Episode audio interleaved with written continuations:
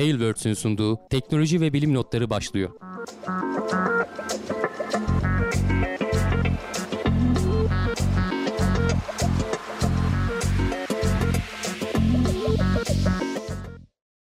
Teknoloji ve bilim notlarına hoş geldiniz. Ben Hamdi Kellecioğlu. Karşımda Volkan Ekmen var. Her hafta olduğu gibi teknoloji ve bilim dünyasından gözümüze çarpan haberlerle karşınızdayız. Nasılsın Volkan? Çok iyiyim abi. Teşekkür ederim. Seni sormalı. Ben de iyiyim. Keyfim yerinde. Güzel, bu hafta az önce kuliste konuşuyorduk. Bu hafta pek korona haberimiz yok. İlgi çekici bir şey olmadı ya da en azından bizim radarımıza takılmadı. Evet. Doğrudan uzay haberleriyle başlayacağız. Ee, var mı senin bir duyurun bir şeyler? Ee, yoksa Şimdilik, istersen direkt evet. başlayalım direkt e, giriş yapalım. Senin de dediğin gibi e, koronada böyle ekstrem bir gelişme bir haber olmadığı için almadık gündemimize. O yüzden şimdi herkes e, önden kemerlerini sıkıca bağlasın. Uzay yolculuğumuz başlıyor efendim. Şimdi NASA biliyorsun bir Ay'a insanlı iniş e, görevi planlıyorlardı. Bunu en erken 2025 yılına yaparız demişler. 2024'te hedefleri yanlış hatırlamıyorsam. Evet birkaç hafta önce işte böyle Hı-hı. Artemis planları vesaire işte mission timeline dedikleri o işte zaman çizelgesini falan filan duyurmuşlardı. Biz de biraz konuştuğumuzu hatırlıyorum. Evet. Geçen hafta Blue Origin'in işte HLS işte Human Landing System insanla iniş sisteminin e, itirazı reddedildi dedik. O işte biraz bahane edildi. Bu hafta içerisinde Hı-hı. NASA'dan resmi açıklama geldi. Çünkü aslında 7 aylık süren bir süreç. Hani biz ta Nisan'da başladı falan demiştik.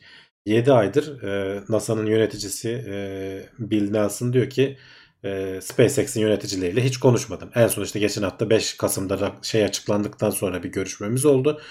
Ondan sonra e, işte artık hani ne aşamadayız, nasıl başlayabiliriz falan filan bunları konuştuk. Daha toplantı yapacağız falan filan demiş adam. Bu 7 aylık süre içerisinde bütün operasyonları durdurduk diyorlar. Biraz bahane ediyorlar. Sadece bu değil tabii.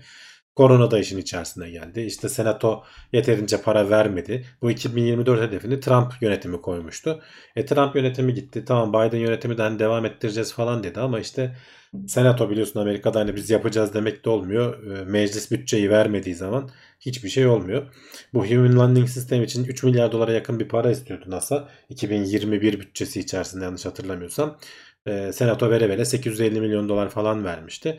Ee, bunlar hep biriktiği için ki 2024 de zaten agresif bir hedefti. Ee, ki 2025 bile hala öyle aslında. Ee, Artemis 3 görevi biliyorsun bir e, bir deneme görevi olacak. O normal önümüzdeki yıl e, fırlatılması planlanıyor. Orion kapsülünü falan deneyecekler. Ayın çevresinden dolaşıp gelecek. Artemis 2 insanlı bir görev. Gene Orion kapsülünde bu sefer insanlar ayın çevresinden gidip gelecek. O da ertelendi. 2023'te olması planlanıyordu. O da 2024'ün e, Mayıs aylarına falan olur diyorlar ama gene belki de ertelenebilir. E, Artemis 3 asıl ayın yüzeyine inilecek e, görev oydu. Onu da en erken 2025 diyorlar. o daha da gecikebilir anlamına geliyor aslında. Evet evet. Hani biz de hevesle bekliyoruz ama bir yandan da tabii ki ortada da işte bu Starship'in ay olan versiyonu yok. Ee, işte Orion kapsülünün daha denemeleri yapılmadı. İşte e, SLS dediğimiz o fırlatma sisteminin ilk denemesi yapılmadı. Hani birleştirildi yapılacak artık kısa bir zaman kaldı ama bunların hepsi yapılıp test edilip e, insanlı görevlere hazır olduğundan emin olmadan bunu yapamayacakları için araya da işte korona girdi bilmem ne girdi derken bir erteleme haberi geldi. Bakalım inşallah daha da fazla gitmez diyelim. Hani 2025'e falan biz razıyız aslında açıkçası. Ya ama şimdi şöyle bir şey de var. Biz aslında Trump'ın e, bu politikasının biraz hızlı olduğunu düşünüyorduk zaten en başından Tabii, konuşuyorduk beri. Işte. Yani hani e, yetişmez yetişmez diyorduk çok büyük ihtimalle hani gecikmeler illaki olacaktır diye. Ya eğer kaynak ayrılsaydı hani bu meclis e, Amerikan meclisi şeyi verseydi kaynağı verseydi ve işte bu e, Blue Origin e, kılçıklık yapmasaydı dava açacağım bilmem evet, falan evet. gecikmelere neden olmasaydı belki zorlar yetiştirirlerdi e, gibi görünüyor. Hı hı. Ama belki gene de olmaz. Hani agresif olduğunu söylüyoruz. Hani 2024 baya yakın bir zaman. Ki açıklandığında da 2020'nin başlarıydı galiba yanlış hatırlamıyorsam. Hani 3-4 yıl içerisinde tabii, tabii. 50 yıldır gitmediğim bir yere gideceğiz diye iddialı bir şeyle geliyorsun. Kolay değildi e, ama vazgeçmiş değiller. Sonuçta ertele, ertelediler. Ama bir yandan da şey hani her hafta konuşuyoruz. Çin sıkıştırıyor. Ee, Bill Nelson geçmiş e, de senatoda onlar biliyorsun arada çıkıp mecliste e, ifade veriyorlar. Sorguya çekiliyorlar bazen böyle devlet yöneticileri. Hatta bazen e, özel firmalarda işte Facebook'tan falan da birilerini alıyor senatörler karşılarında hesap soruyorlar. Orada Bill Nelson'la konuşurlarken e, şey demişti. Çin çok hızlı geliyor. E, hani fazla erteleyemeyiz. Eğer hani ayda ilk olmak istiyorsak onların önünde. Yani daha önce tabii ki birinci oldular. Rusları yendiler ama aradan 50 yıl geçti. Gene bir yarış söz konusu şu anda ikinci yarış. Ee, bu, bu sefer hani NASA biliyorsun ilk e, kadın astronotu gönderecek. Aya ilk kadın ayak bastı diyecekler. Gene işte bir o da bir Amerikan olacak. İlk siyahi astronot göndermeyi falan düşünüyorlar. Yani böyle başka planları da var e, kendilerince e, sembolik olarak olan şeyler. E, burada tabii ki hani mümkünse Çin'in gerisinde kalmak istemezler. E, elbette ki sonunda gidilecek oraya. Hani her şey aya, ilk ayak basma konusu kapandı 50 yıl öncesi. Evet, evet, evet, evet. Yeni heyecanlar lazım. Yeni insanları ikna edecek şeyler lazım. Ee, bakalım. Hani takip etmeye devam edeceğiz. Şimdilik ama resmi olarak en azından 2025'e attılar tarihi. Ee, yani aslında ertelenmesi mantıklı çünkü kısa bir süre onu sığdırıp e, hata yapma oranını arttırmaya gerek yok yani. Hani bazı şeyler geç olacaksa e, geç olsun güç olmasın taraftarıyım ben. Hani e, rahat bir şekilde düzgün bir programla gidilsin gelinsin. Amacımız o yönde. Biraz daha bekleriz problem değil. Ama Yasin benim tahminim demiş ki e, neyin denemesini yapıyorlar? Daha önce gitmemişler miydi? Gitmişlerdi Yasin ama 50 yıl önce gittikleri için bütün teknolojiler bilmem neler değişti. E, şu anda gidecek o kapsül falan yeni. Kullandıkları SLS roketi yeni Satürn 5 falan kalmadı 50 sene öncesinin roketleri. Unutuldu. Yani bir şeyi sürekli kullanıp geliştirmezsen o teknoloji köreliyor. Onu kullanan insanlar, onun yazılımları falan yok oluyor, ortadan kalkıyor. Bir daha aslında yeniden yapman gerekiyor. Know-how ayrı tabii. Hani Röhringer'e nasıl girilir, ne yapılır, ne sorunlarla karşılaşılır onları biliyorsun ama gene çözmen gerekiyor teknik anlamda. Sen bir şey söylüyordun geride kaldı. Pardon. Ee, yok abi hani e, seni dinliyordum. Ben de o konuyu unuttum şimdi. Unuttum şimdi. Gerek yok seni dinlerken. Problem yok. Çok da derinlemesine zaten e, tartışmaya gerek yok. Ben yorumu görünce bir anda Yok hızlıca estağfurullah. E, 2025 yılı işte beklentilerimiz içerisinde ama tahminim bence biraz daha ertelenecektir. Zaten Yönünde- ara ara konuşuluyordu. Biliyorsun Aha. yeni astronot elbiselerini de o tarihe yetiştirmeye çalışıyorlar. O elbiseler yetişmeyecek falan muhtemelen Hı hı. deniyordu. Yani olay sadece roketi yapmak değil, kapsülü yapmak değil. Ee, Karmaşık bir mekanizma Tut da tabii o yüzeye inecek aracıydı bilmem nesiydi her şey e, en ince ayrıntısına kadar düşünülmesi gerekiyor. Çünkü insanlı görev sonuçta. Kaybetmemen lazım astronotları. Kesinlikle öyle. Evet şimdi Virgin Galactic e, bilet satışlarından memnunmuş abi. Yani zaten 450 bin euro bir Evet, bilet. bastırmışlar parayı. 100, E, dolar çok ödü. 450 bin dolar çok tamam. Belki çok fark etmeyecek ama düzeltelim. E, yani e, tabii ki mutlu olmak gerekir bence yani böyle bir durumda. Evet yani bu en son e, işte satışlar tekrar açıldı dedikten sonra son uçuşundan sonra 100 ekstradan e, insan gelmiş ve bunlar hani öyle biz uçacağız demiyorlar. Bunlar gerçekten baştan bir 150 bin dolar parayı bastırıp kapora veriyorlar ki bu 150 bin doların da 25 bin doları geri ödemesiz. Yani hani vazgeçsen de evet. 25'ini alamıyorsun. Hani 125'ini sana ödüyorlar falan. Bu 100 kişiden de böyle bir kapora almışlar. Toplamda da şu anda 700 kişi sırada bekliyor. Yani hani adamlar Daha ne olsun ya. altışar altışar alıyordu galiba yanlış hatırlamıyorsam bu e, şey uçak. Ee, hani altışar altışar alsalar zaten 100 kere 150 kere uçuş yapmaları lazım ki anca şeyi Buradaki sıra bitsin. Zaten tekrar uçuşlara başlamadan önce de 1000 kişiye ulaşmayı hedefliyorlar. Kendilerine öyle bir hedef koymuşlardı. Şimdiden 700'deyiz diyorlar. Demek ki ulaşacaklar o hedefe. Biliyorsun onlar bir uçuşa şimdi ara verdiler. Önümüzdeki yılın sonuna kadar e, bu işte VSS Unity ile işte Imagine miydi ismi? E, iki tane uçakları var. Onları yenileyecekler. Bir de onların üstündeki o Mothership dedikleri e, ortada o uçakları taşıyan daha büyük bir uçak var. Onu da yenileyecekler. Bunların bir yenisini üçüncü bir gemi daha yapsak mı yapmasak mı yoksa tamamen yeni bir versiyona mı delta sınıfı diyorlar ona mı geçsek falan onları düşünüyorlar şu anda. Daha uçuş e, maliyetlerini düşürecek e, bir uçak tasarımı peşinde e, koşuyorlar. Hani Virgin Galactic için şimdilik en azından hani insanların teveccühü anlamında işler iyi gidiyor ama bir yandan da tabii hani şi- şirket olduğu için şeylerini açıklıyor. Onlar karlılık oranlarını falan filan açıklıyorlar. Hani son çeyrekte 53 milyon dolar zarar etmiş. Hani operasyon zararı. Sonuçta bu adamlar daha şey yapıyorlar. Bir önümüzdeki çeyrekte, dördüncü çeyrekte yani bu geliştirmelere bağlı olarak 85-95 milyon dolar zarar edecekleri e, planlanıyor, bekleniyor. E, ama tabii hani yatırımcıları falan olduktan sonra biliyorsun Twitter yıllardır zarar eder ama hala e, insanlar para yatırmaya devam eder bir şekilde oraya. e, bir türlü karlılığa geçememişler. Hani Virgin Galactic de bu kadar kapısında hani insanlar ki 450 bin dolarlık biletten bahsediyoruz. E, bu bilet fiyatları da biraz düşse biraz daha çok fazla insan gelecek muhtemelen. E, bu bir hakikaten bir iş kolu olarak artık görülebilir anlamına geliyor açıkçası bu rakamlar.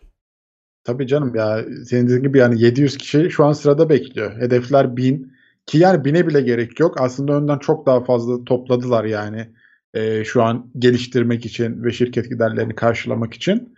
Bu arada şeyi söyleyeyim Richard Branson e, kendi işte yönetim kurulunda işte sunum vesaire falan yaparken şey demiş hani bizi e, almayı istediğini belirten 60 bin kişi oldu demiş. Ama bunların arasından hani seçiyorlar. Onlara sadece kapora verdiriyorlar falan. Hani e, bilet almaya sıraya girmek için satışlar başlamadan önce almaya için 1000 dolar falan kapora veriyordun düşün. evet, Şimdi evet. bilet almak için alıyorsun 150 bin dolar kapora veriyorsun sıraya giriyorsun. Onda 25 bini yanıyor vazgeçersen falan filan. Hani demek ki bir grup insanda para var. Ki benim tahminim yani şu an mesela bininci kişinin gideceğini düşüneceğimiz zaman 2 yıl falan mıdır? Yani sen tabii, ne tabii diyorsun? ki yani daha önümüzdeki yılın sonunda ilk e, tekrar şeyler başlayacak. En az 5 yılı var ben sana söyleyeyim. Hani O kadar. be- belki Vay 5 be. fazladır hani 3 yıl diyelim. Ya bilmiyorum bana hani bir iki yılı var zaten geldi de. Ha, bir, Hani bir yıl ya önümüzdeki yıl bu zamanlar hani tekrar başlamayı planlıyorlar. Bir yıl boyunca tamamen yenileyecekler her şeyi. Bir yıl hiç uçuş yok.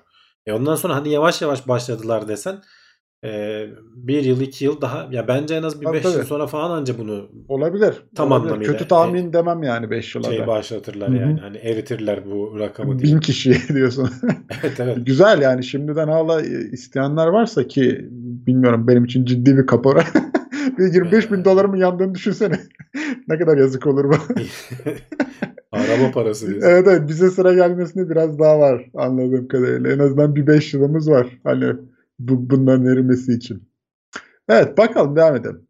Teknoseyir e, fan gelmiş bize 100 ARS göndermiş. İyi akşamlar, iyi yayınlar. Bilim dolu haberleri keyifle izliyoruz. Sizlere ne kadar teşekkür etsek azdır. Hamdi Volkan Bey saygılar, iyi yayınlar demiş. Biz Teşekkürler. teşekkür ediyoruz. Evet, eksik olmayın. Siz izlemeseniz kime anlatacağız bu kadar haberi?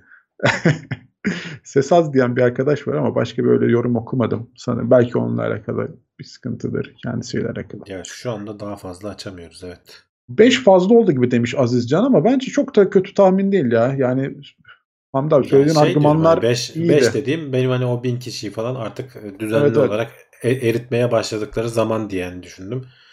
Belki fazla evet. Hani sonradan da 3 diye düşündüm ama sonra 3 de az geldi. Hadi 4'te anlaşalım o zaman. Yani Sıra gelene kadar ölen bile olur olabilir. Olabilir. olur evet. Öyle bir durumda zaten Bilemeyiz. sözleşmesi vesairesi falan vardır. Ee, Vardır. öyle bir durumda e, yakınına kalıyordur ya da işte belki iade ediyorlardır bilmiyorum. Tamam. Şimdi geldik beni en çok heyecanlandıran habere bu haftaki. Bilmiyorum bence yani uçuk kaçık fikirler arasında bir numaraya koyarım bunu. Şimdi Spin Launch diye bir firma bu SpaceX gibi işte Virgin Galactic gibi biz diyor ki uzaya roket göndereceğiz. Fakat bunu inanılmaz farklı bir yöntemle yapmaya çalışıyorlar. Ee, sendeyiz abi. Yani bildiğin fırlatacağız diyor aslında. Şimdi normalde na- nasıl yapıyoruz? Biz e, bir roket motoru ateşleniyor. Büyük bir alt kısımda o birinci aşama dediğimiz şey. Zaten yakıtın çok büyük bir kısmı orada. Yukarıdaki o küçücük kapsülü götürmek için o koca alan dünyanın o çekim gücünden kurtulmak için e, büyük bir yakıt yakıyorsun, enerji harcıyorsun.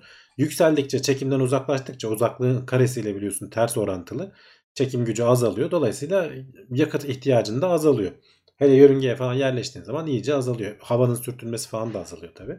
Şimdi bu Spin Launch'ın yaptığı şey biliyorsun bir e, Jules Verne'in romanı vardı Ay'a Yolculuk diye. Oradan böyle top atışıyla yapmaya çalışıyorlardı. Onları da denediler. Şimdi top atışı tabii dünyanın o e, kurtulma mek şeyinden e, hızından e, kaçma hızına yakalayamıyorsun. Çünkü o e, yaktığın işte kimyasallar vesaireler işte gazın itekleme hızı çünkü orada da bir e, ses hızını vesaireyi falan aşman gerekiyor aslında. Mümkün olmuyor. Ama başka yöntemler var. Mesela işte bu railgun dedikleri elektronik bir şekilde çok hızlandırarak fırlatmak. işte bunu hatta işte savunma sanayinde falan da düşünüyorlar. E, Hı hı. bu işte şeyleri tankları delen sabot mermisi denilen bir şey var. Çok hızlı attığın zaman zırhı mırhı delip atıyorsun. E bunu ama o kadar hızlandırabilmen için e, normal kimyasal ateşlemeler yetmiyor. Elektromanyetik olarak yükleyip bir anda çok hızlı elektriği anlık olarak boşaltıp hızlı bir şekilde fırlatmayı sağlayabiliyorsun. Ama bunun da başka zorlukları var. İşte o elektriği depolayacaksın. E, çok karmaşık sistemler kolay değil. E, şimdi bu spin launch zaten isminden de anlaşılıyor. Döndürerek belli bir e, yükteki şeyi e, roketi ki bildiğiniz hani şu anda ekrana az önce biraz geldi. E, şöyle bir roket sistemleri var. İçinde de e, bildiğin ikinci aşaması aslında roketin içerisinde. Bu ikinci aşama belli bir yüksekliğe ulaştıktan sonra ateşleniyor. Gerçekten şey gibi SpaceX'in hani o birinci kısmı ayrılıyor ya. İkinci evet. aşama sonra ateşleniyor. Burada da aynı durum söz konusu. Yan taraftaki o fairing dediğimiz koruma kapakları ayrılıyor. Ee, sen ama ilk önemli olan atmosferin o en kalın anındaki şeyi e, roket motoru vesaire falan olmadan çok hızlı döndürerek e, fırlatmak. Bunda da şöyle bir yöntem yaptılar.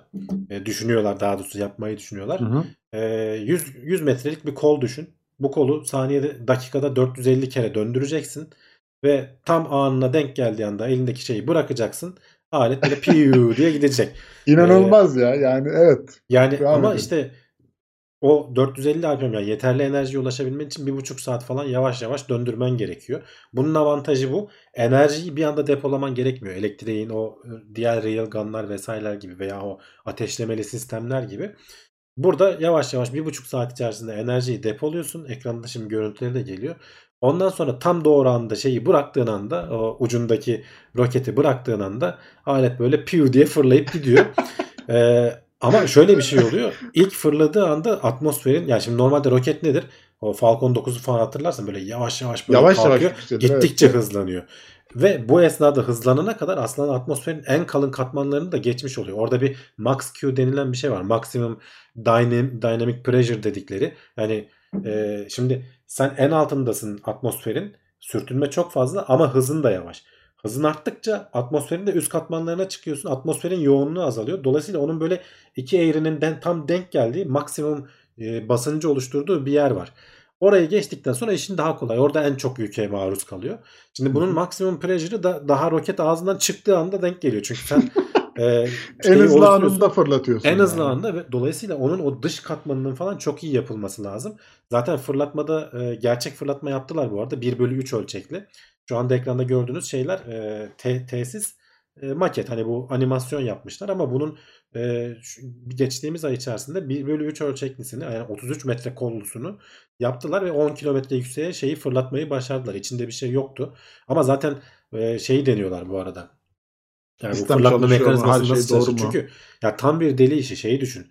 Ee, o 100 metrelik kol, kol yanlış yerde bıraksa abi çok ciddi mini, bir şey, mi, mikrosaniyelik bir zamanın var. O aralıktan yani. doğru yerde bırakman için. Çünkü şeyi görüyorsun. O fırlattığı anın hani o dönen şeyin bir kenarında küçücük bir açıklık var. Orada Oradan fırlatman lazım. lazım. Orada bırakman evet. gerekiyor ki mikrosaniye hassasiyetiyle bırakman lazım ki doğru yerde doğru şeyi yapabilesin. Ee, çok zor bir iş. Yani hani e, ama işte üçte bir ölçeği çalıştırmayı başarmışlar. Hani şimdi bir sonra onu daha bir sürü denemesini yapacaklar. Burada şöyle bir şey var. E, aletin o tam ölçekte olan da 100 metre kollu olan da e, 10 bin G'ye kadar falan çıkıyor diyorlar o. Sen 450'den şey dönüyorsun. İnanılmaz. Bizim hani insanlı fırlatma yapamazsın bununla tabii ki. Yani 10 bin G senin eti kemiği ayırır yani böyle seni güzel Vallahi güzel yani bu sadece getirir. kargoyu bile bilmiyorum. Hani yemek Şeylerle göndermeye falan çalışsa. Firmanın güzelliği şurada adamlar elektroniklerini de kendileri tasarlıyorlar. Diyorlar ki hani biz sen ne ihtiyacın varsa sana yapacağız. Fırlatacağız uçtan uca sistem.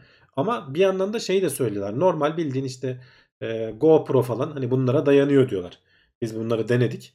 E, cep telefonu bilmem ne falan gibi şeyler. Temelde hani bu tarz G kuvvetlerine dayanıyor, dayanabiliyor diyorlar. Bilmiyorum hani bir yandan da ama hani kendileri de kendi elektroniklerinde ihtiyacı olan şeyleri de tasarlıyorlar. Yani uçtan uca hizmet sunuyorlar. Bunun ne avantajı olur? Bir kere maliyeti düşük olur. Şimdi de, devasa bir o fırlatma esnasındaki bir sürü enerjiyi şey yapmamış oluyorsun. Elektrik motoruyla çalışıyor. Ee, elektriği buna bir şekilde tabii ki Verimli yüksek yani miktarda kere, çekecektir. Evet. evet yani gene elektrik çok çekecektir ama roket motoruna falan göre daha ucuz olacağı söyleniyor. Ee, o ilk fırlatma videosuna bakarlarsa internette sitesine girsinler arada. Bayağı ayrıntılı anlatmışlar. Ben onu da ekledim abi. Göstermek istersen bilmiyorum. Ee, hani ya da o ilk fırlatma varsa. videosunda e, dur bakayım bulabilirsem Yorumlara şey, eklemiştim şeydeki. Orada. O ilk fırlatma videosunda şey var. e, ilk e, roketin şeyin ağzından çıktığı anda e, şuradaydı galiba. Bu arada şey yani e, adamların zaten yola çıktığı nokta e, verimlilik olsun. Çünkü diyor ki yani çok fazla roket diyor ya kendi yakıtını taşımak zorunda kalıyor atmosferden kaçmak için. Biz evet. diyor ilk, ilk baştaki o aşamada e, onu sönümlüyoruz. Biz bunu fırlatarak gönderiyoruz. Atmosferin sadece üst kısımlarında e, az miktarda e, yakıt harcayarak e, kaçabiliyor evet, diyor iki, atmosferden. Ikin, ikin, ikinci aşama minimumda şey olacak diyor. Bak şimdi evet. bu şu anda ekranda en son yaptıkları denemenin şu animasyon geçince şimdi o gelecek. Denemenin gerçek görüntülerini görüyorsun. Bu 3'te birlik an şeyin e, bir kere şeysiz olması lazım. Hava sürtünmesi olmaması lazım aletinin içinde. Dolayısıyla içerisi tamamen e, havadan arındırılmış o dönme esnasında. O yüzden roketin fırlatıldığı yerin üzerinde böyle bir membran gibi, muşamba gibi bir şey var. Roket onu delerek geçiyor aslında. Tabii evet. ondan sonra hava doluyor içerisine. Şimdi şeyi düşünsene bunun üzerindeki o kolun üzerinde oluşan yükün farklılığını düşünsene. Sen sonuçta bir şeyi e, bu denemede e, 33 metrelik kol dakikada 180 e, turda dönerek %20 falan da herhalde gücü. Öyle bir şey. E, bak şu anda ekranda gördüğün kısım aletin rengi bu termal kamerayla çekilmiş parlamaya başlıyor. Çünkü aşırı ısınıyor ilk fırlatmadan hemen sonra. İnanılmaz bir sürtünme şey var evet. Azalıyor o fırlatma esnası. Şu an ekranda başka görüntüler geliyor. Başka roketlerin denemeleri. Onlar da parlıyormuş. Onun örneklerini gösteriyorlar. Ee, yani çok değişik bir fırlatma yöntemi. Şey çok zor. Şimdi bu üçte birlik e, ölçektekini belli bir miktar çalıştırmayı başardılar. Ama bunun yüzde 3 katı büyüklüğünde yapıp 100 metre kol uzunluğunda yapacaksın. Şimdi o kol bir kere şeye dayanması lazım. O e, sen işte 200 kiloluk falan yükleri fırlatabiliyor. O, o hızla dönerken o 200 kilo tonlarca ağırlığa ulaşıyor.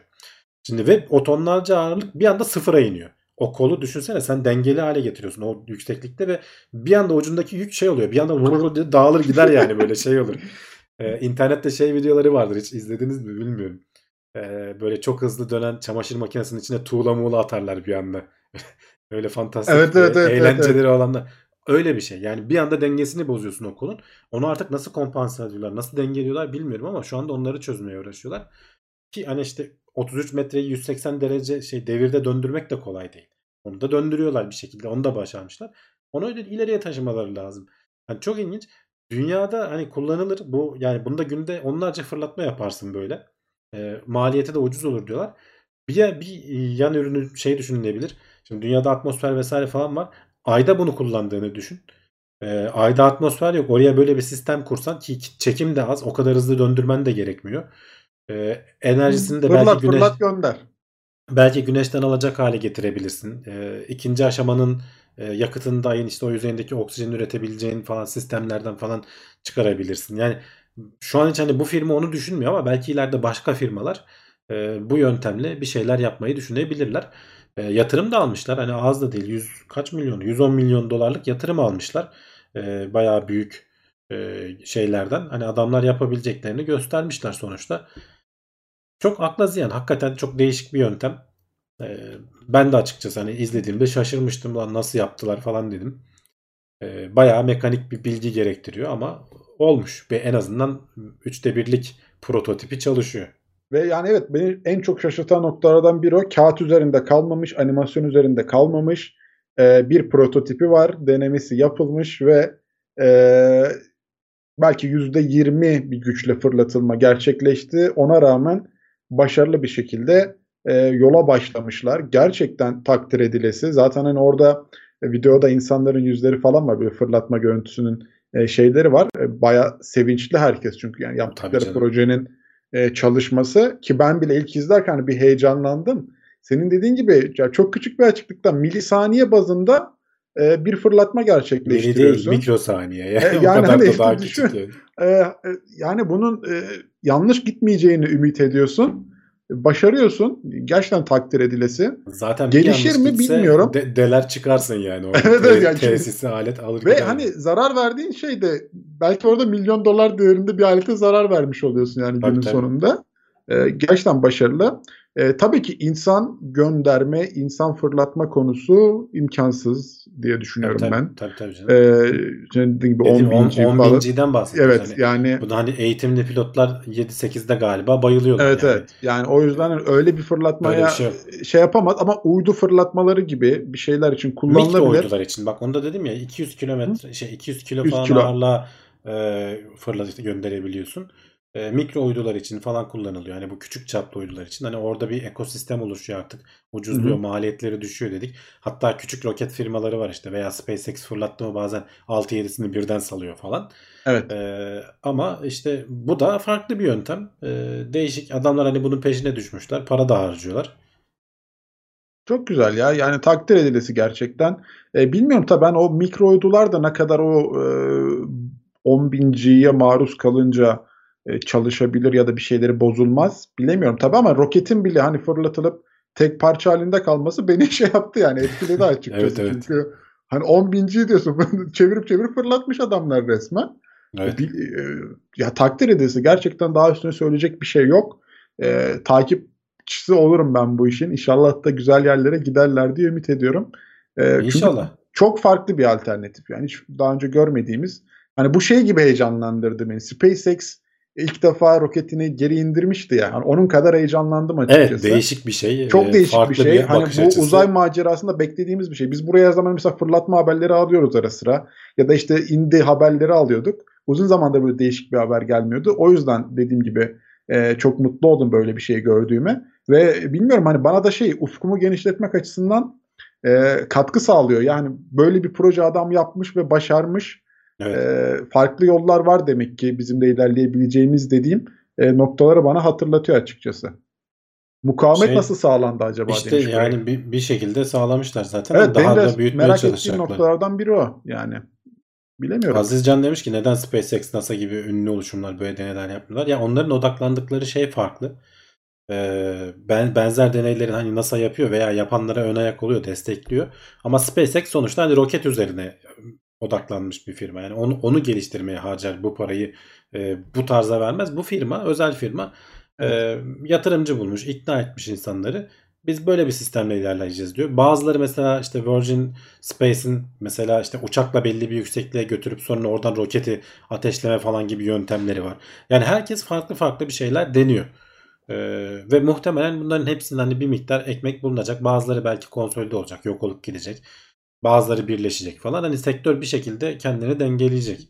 E, bu arada şeyi söylemek istiyorum. Şimdi e, bu hani konsept aşamasında falanken bizim niye haberimiz olmadı ya düşündüm ben ilk başta. Orada da e, şeyin şirketin kurucusu Yane şey demiş. Proje ne kadar cüretkar ve çılgınsa bunun hakkında konuşmak yerine sadece üzerine çalışıyor olmanız o kadar iyi olduğunu düşünüyorum demiş.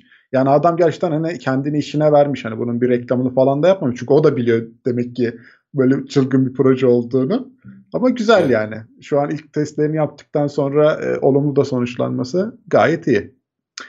Evet. E, sıradaki haberimize geçelim şimdi. Şimdi radyasyon emebilen mantarlar yine de astronotları koruyabilir. Çünkü biz evet uzun uzay yolculuklarında aslında bakmamız gereken noktalardan biri de maruz kalınan radyasyon miktarı. Ee, bunu ara ara konuşuyoruz zaten. Hani dünyanın yakınındaysan hatta işte ISS'teysen bile o işte dünyanın atmosferi vesaire olmasa da o e, şey kuşakları Van der Waals miydi? Yok neydi? Van Allen kuşakları e, şey yapıyor.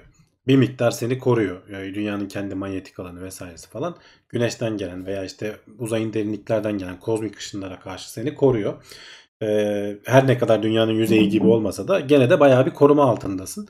Ama hani Ay'a gideceğiz diyoruz. Mars'a gideceğiz diyoruz. Burada hatta onun istatistiği de vardı. Şimdi Ay'ın yüzeyinde senin hani bir yıl içinde alacağın e, radyasyon dozu 6.2 e, millisievertken e, ISS'te bu işte bir yılda 144'e çıkıyor.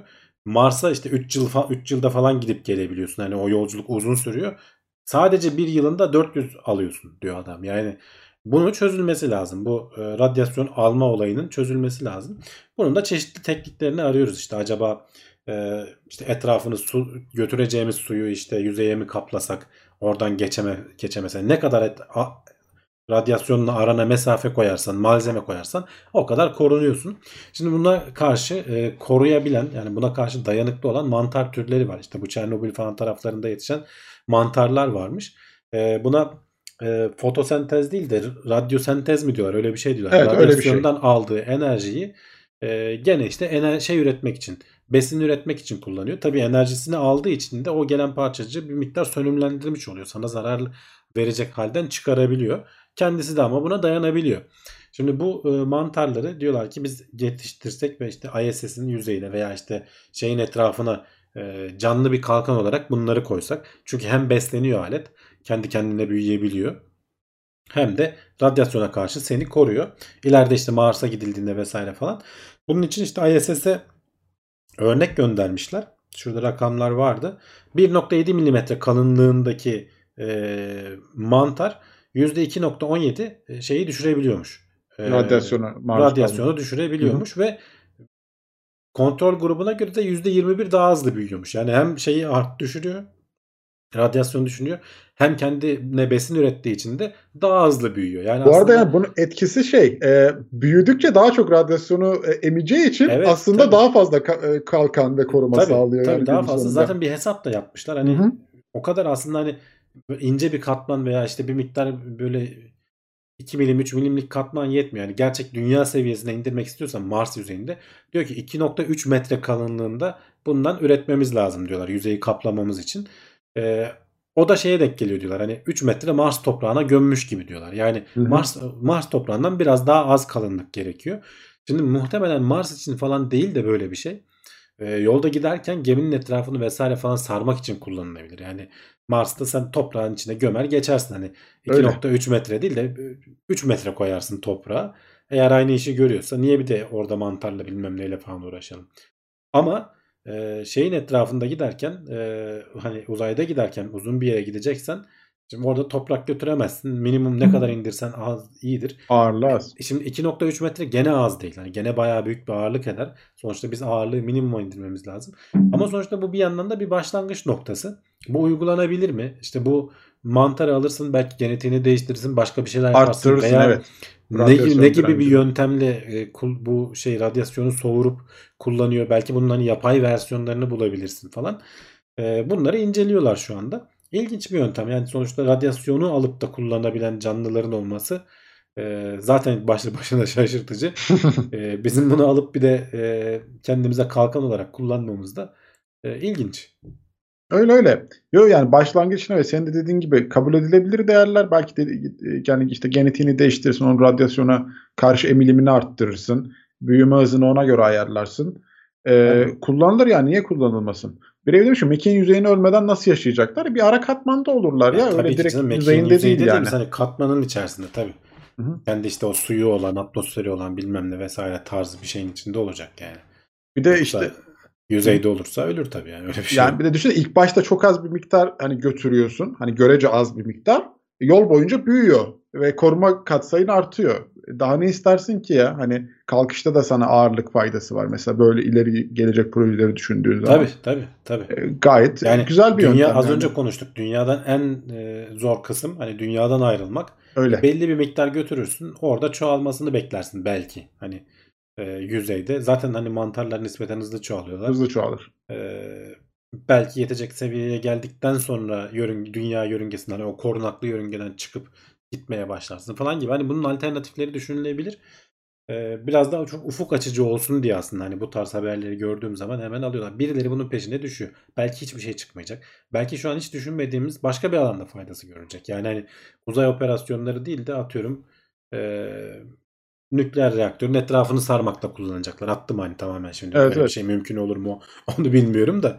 Oradaki belki hani oranlar çok daha fazladır. Hani yakıp atıyordur yani her geleni. Olabilir. Ee, olabilir. Hiç düşünmediğimiz yerlerde çıkabilir yani bunun. Öyle yok. Bir başlangıçtır ya. Yani kesinlikle bir başlangıçtır.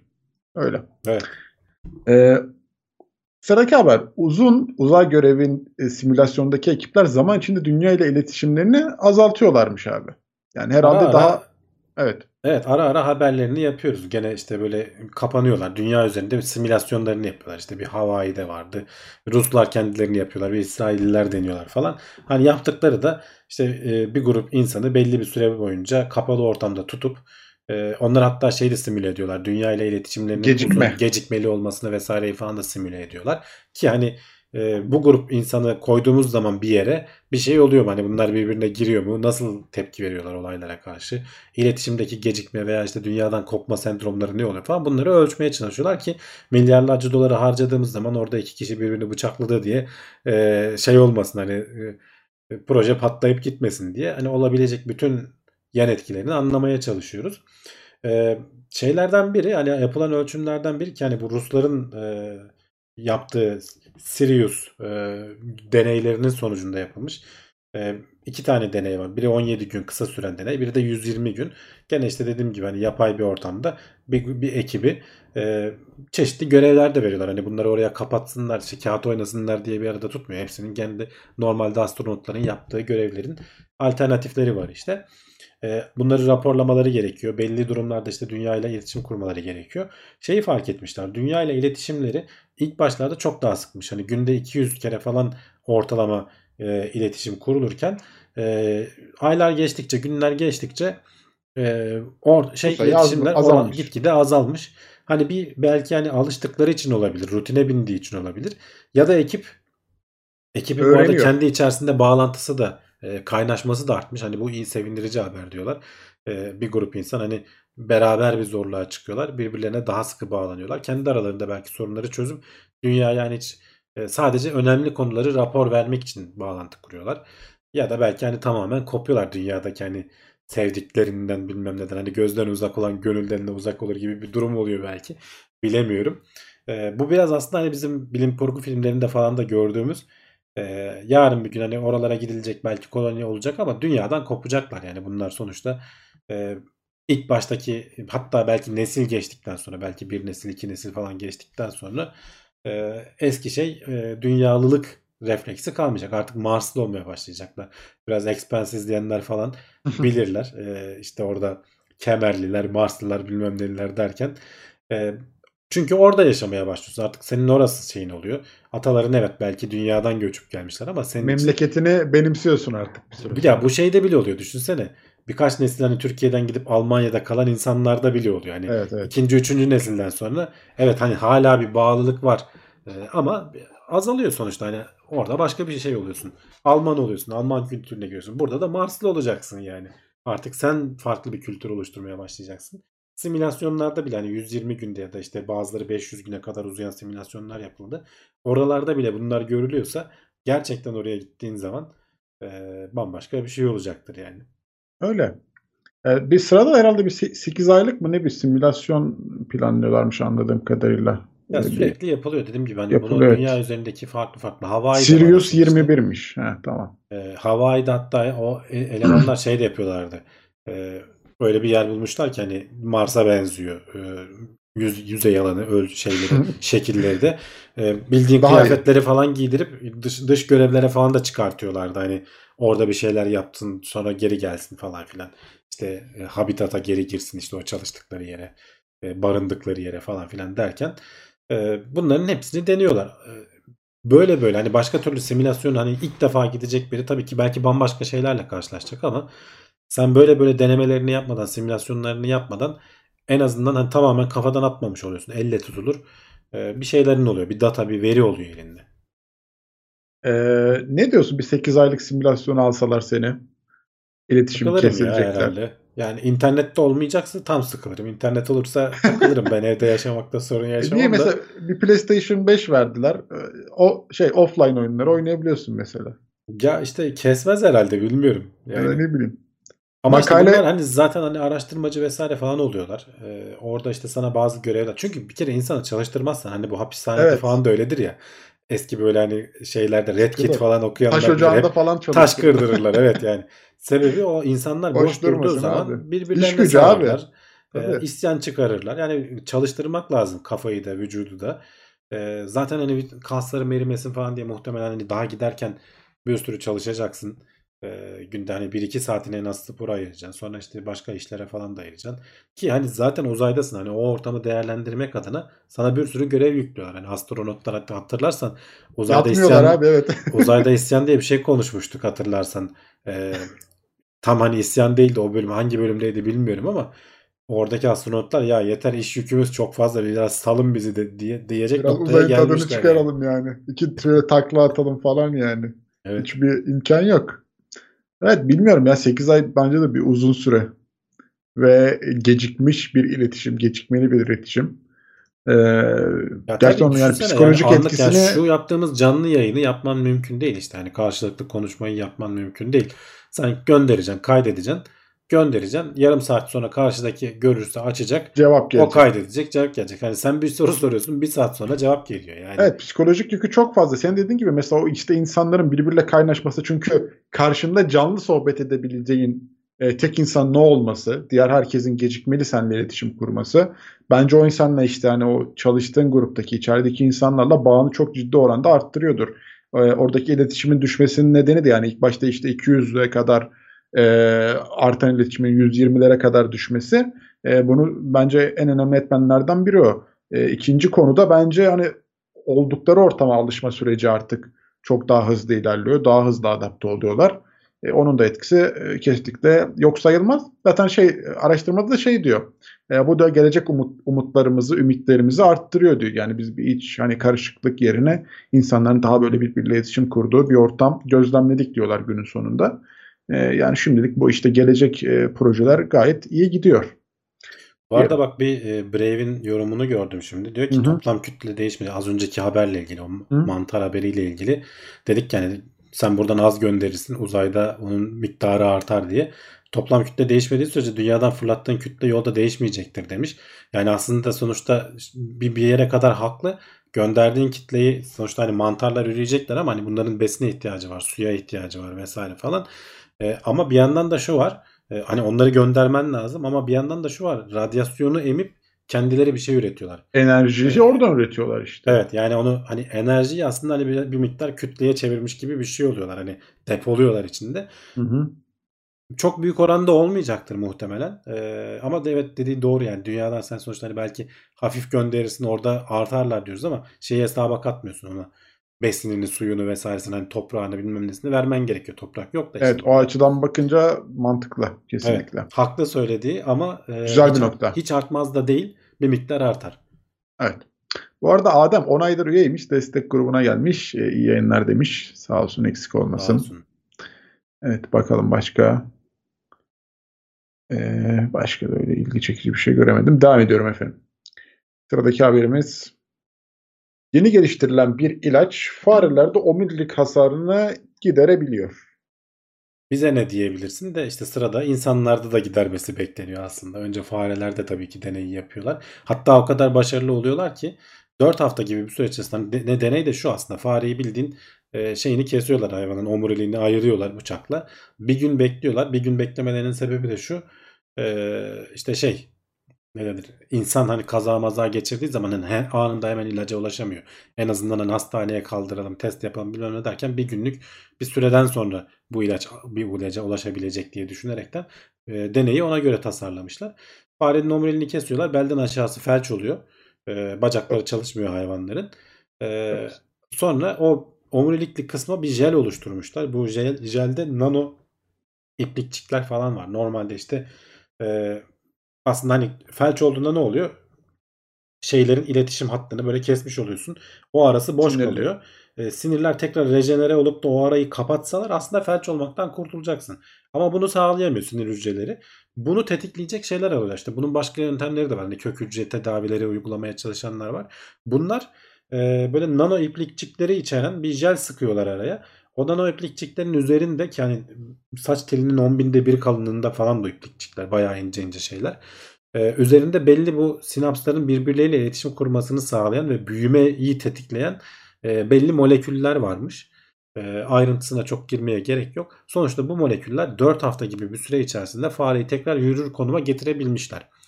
E, test grubu da var. Öteki farelere e, onları da kesmişler. Onlara şey yapmamışlar. Sıkmadıkları zaman jeli. Hayvanlar belden aşağısı tutmuyor. Sürüne sürüne yürüyorlar. Videoları falan da vardı haberde.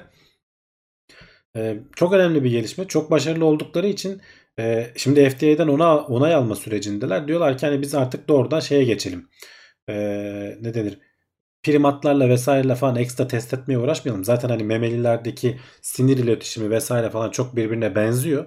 Doğrudan insanlı deneylere geçelim e, noktasına gelmişler. Bunun onayını alabilirlerse önümüzdeki yıldan itibaren e, insanlı denemelere geçecekler. Hani e, oluşan hücrelerin farelerden sonra da otopsi de yapıyorlar tabii nasıl nasıl gelişti.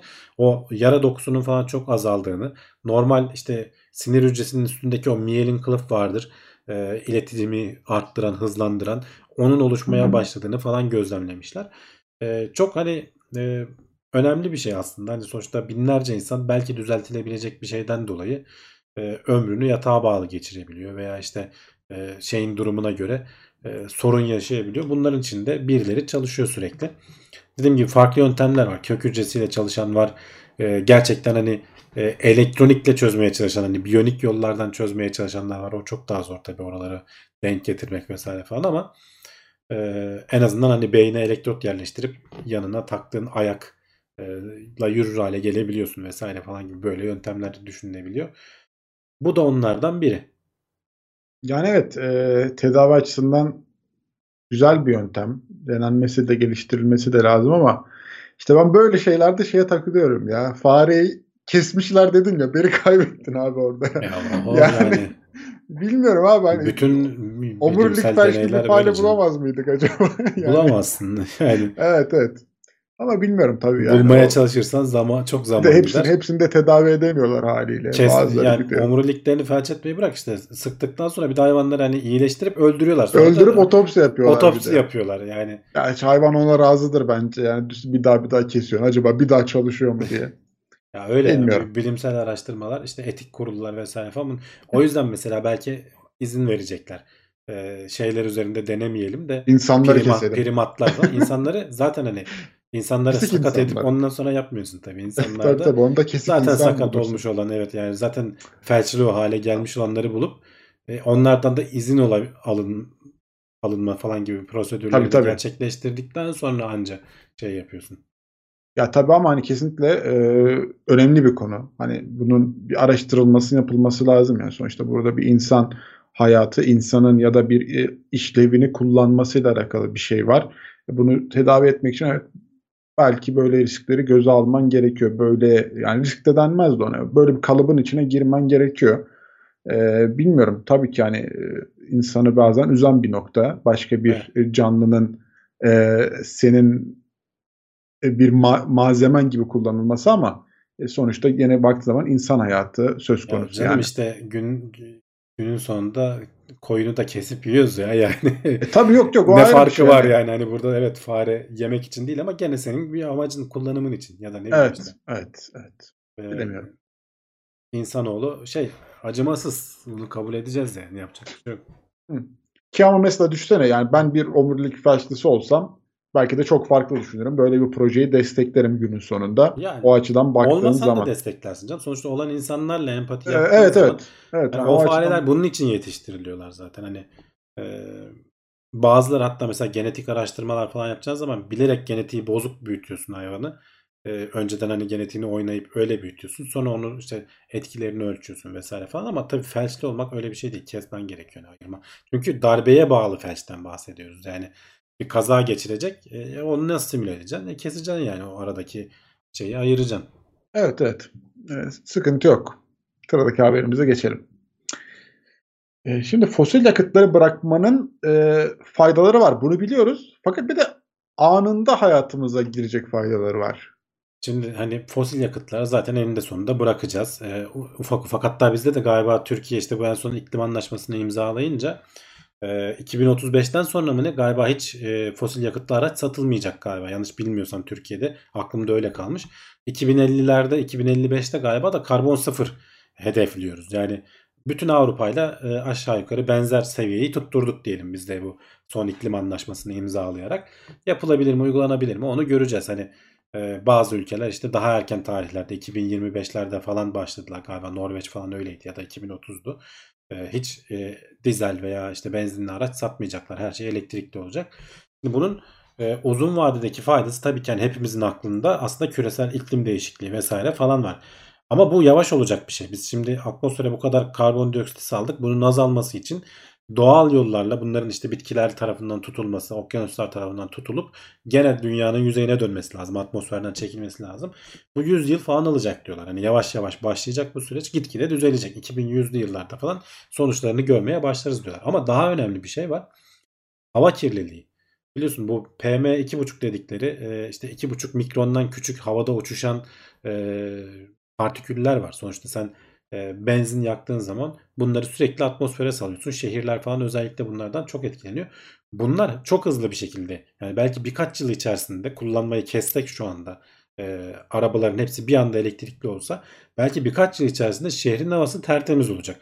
Tabii ki hani başka şeyler için kullanıyoruz hani gene ev, evde yaktığın şeyler mesela ama otomobillerden ortaya çıkan şeyler çok çok ciddi miktarda azalmış olacak diyorlar. Her yıl hani yapılan modellemelere, ölçümlere göre dünya çapında 7-8 milyon erken ölüm bundan dolayı oluyor diyorlar. Yani erken ölüm dedikleri de işte kalp hastalıkları, akciğer kanseri bunlar özellikle tetiklenenler. Onun dışında bunlara bağlı olarak hava kirliliğine bağlı olarak pek çok hastalık da geliyor. Yani çocuklardaki etkileri daha tam anlamıyla bilinmiyor. Bu bahsettiğimiz büyükler 7-8 milyon erken ölüm er, erişkinler için. Çocuklarda kim bilir ne şeyler bırakıyor. Sonuçta şehirlerde aslında yaşadığımız hava e, içinde yaşadığımız hava temiz değil. Kirli havalarda bayağı yaşıyoruz. Evet uluslararası standartlar var. Bunları yakalamaya çalışıyor herkes ama elektrikli arabalara geçilmesinin işte benzin tüketiminin azalmasının ki bir yan etkisi de şey diyorlar benzin tüketimi azalınca benzin üretimi esnasında atmosfere salınan başka başka gazlar da var diyorlar. Onlar da azalacak. Onların işte ozona etkileri vesaire falan onlar da düşecek. Çünkü üretimi tüketimi azalınca dolayısıyla üretimi de azalacak. Tamamen sıfırlanmaz. Başka endüstrilerde kullanılıyor petrol ama e, en azından hani en çok en büyük kalemlerden biri gitmiş olur. İnşallah hani 2000 hani ölmeden 2030'larda 40'larda bunun yavaş yavaş olmaya başladığını göreceğiz diye umuyorum. Vallahi bilmiyorum elektrikli araçlar da pahalı abi yani biz daha benzinlisini şeylisini zor alıyoruz. Nasıl olacak bu işler? Onların işte, da fiyatları desteklenecek herhalde diye düşünüyorum. Hani o, onlar şimdi yeni yeni üretilmeye başlıyor. Biraz hani şey ekonomisi derler ya e, çok üretildiğin zaman e, düşer. Maliyeti düşer gitgide şey. Bu arada düşer. bence sanki elektrikli arabaların böyle maliyeti daha düşük gibi geliyor bana ya. Bilmiyorum hani ne kadar böyle bilimsel bir dayanağı vardır ama yani bir böyle karmaşık bir içten yanmalı motor üretmektense ya şeye göre motor. Ya sonrası ucuz düşük. Yani bakımı bilmem ne sıvır zıvırı çok çok evet. çok daha ucuz. Ama pil teknolojisi biraz orada işte kafa evet. karıştırıyor. Evet. Hem hem kirlilik yaratması anlamında hem de üretmesi anlamında. Ee, ama ona da çok çalışılıyor. Gidişat bu. Yani gelecek buraya gidiyor. Burası kesin. Hani pil teknolojisi de gelişecek. Şey falan da hani daha önce biz Can'la konuşuyorduk. Can diyordu ki hani hidrojen içten yanmalı. Hidrojen yakan motorlar muhtemelen hani olur önce onları görürüz diyorduk ama yani aradan birkaç yıl geçti o konuştuktan sonra pek öyle olacak gibi görmüyor. Herkes bildiğin pile depolayayım e, elektriği öyle gideyim kafasında şu anda. İşte arada belki biraz hibritler çıktı ama onlar da bildiğin normal benzin yakıyorlar e, hızlandığın zaman. Düşük hızlarda e, pilden yiyorlar falan. Yani hani gidişat sanki hani bütün dünyanın gidişatı pili şarj edip sonra onu yeme üzerine e, olacak gibi görünüyor. E, bu arada tabii hani elektriği e, üretme yöntemlerinden biri de fosil yakıt aslında. Hani bazı ülkelerde de ciddi tabii, oranda. Tabii. Yani, hani e, o da bir soru işareti aslında. Yani sen elektrikli araç yapıyorsun ama elektriği nereden üretiyorsun? Fosil yakıttan. E, bir kısır döngü gibi bir şey oluyor aslında. Ama şöyle sonunda. arabaların hani içten yanmaları motoruna göre tek bir yerdeki jeneratörün verimliliği daha yüksek. Oranın kontrolünü yapmak kesinlikle yani öyle. Kesinlikle gene daha öyle. iyi olacak. Yani e, tabii ki tercih edilmez. Hani mümkünse güneş Hı. enerjisi, rüzgar işte hatta belki nükleer kullanalım kömür yakmaktansa. Ama hani arabalarda benzin yakmaktansa e, o benzini gidip tek bir büyük bir yerde yakmak e, ve oradan enerji üretmek çok daha ciddi, verimli olabilir. Çok ciddi Ama hesabını iyi yapmak lazım. Çünkü onu orada iletimde kayıplar oluyor. işte şarj ederken kayıplar oluyor falan. E, onun hesabının yapılması lazım. Hani şimdi konuşuyoruz ama atmayalım kafadan da bir araştırmak lazım onu. Öyle tabii mesela hani araçlar dur kalk yapıyor şehir içi tabii. trafik. onlar hep daha fazla yakıt tüketmesi Tabii tabii. Şimdi ama bu jeneratör orada- sürekli çalışacak. Aynen jeneratörü belli bir hıza getiriyorsun. En böyle en tatlı yerinde hep o sabit Hep hızda çalıştırıyorsun. çalışıyor, E, o zaman çok verimli hale geliyor. Arabalar öyle değil ki. Basıyorsun duruyor, gaza veriyorsun. Motor bir işte bin devirde kalıyor. Bir, bir 4000 devire çıkıyor. Bilmem ne oluyor. Bir düşüyor kalkıyor falan derken bu her şeyi değiştiren bir şey. Öyle.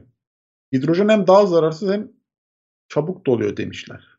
Yani ama öyle Ya herhalde gelişmedi. Hidrojeni depolaması zor. Ona çözüm bulamadılar. Evet. Saklayamıyorsun yani. Evet hani belki hani günümüz teknolojisiyle de daha uyumlu olabilirdi falan ama gidişat oraya gitmiyor. Yani görünen en azından öyle. Yani bütün arabalar, bütün e, şey üreticileri, otomobil üreticileri e, pil üzerine gidiyor şu anda. Hani önümüzde işte hepsinin yavaş yavaş modellerini falan görmeye başladık. İçten yanmalı mı? hiç- Evet. Yani hiçbiri de çıkıp ben hani içten yanmalı hidrojen motoru yapacağım dediğini ben duymadım. Hani çok da takip etmiyorum piyasayı. O da ayrı konu ama hani olsaydı duyardık diye düşünüyorum. Ben de duymadım dediğin gibi. İçten yanmalı motor daha basit teknoloji demişler ama yani Yok değil. bence evet karmaşık olduğu noktalar var ya. Karmaşık olduğu noktalar mı? İçten yanmalı motor baştan sona karışık elektrik Evet. motoruna göre ne diyorsun yani? Onun o tasarımı falan çok zor olması e, yani o düşünsene küçücük bir ortamda böyle bomba patlatıyorsun kontrollü bir şekilde. Nasıl daha Evet elektrikli motorun çalışma Elektrik prensibı- motoru hiçbir şey ya. Elektrik motoru son derece yani hatta Türkiye'de elektrik motoru biz yapabiliyoruz ama içten yanmalı motor yapamıyoruz. Yani karmaşıklık hani mü- mühendislik Evet seviyesi güzel falan oradan güzel düşür yani. güzel cevap oldu.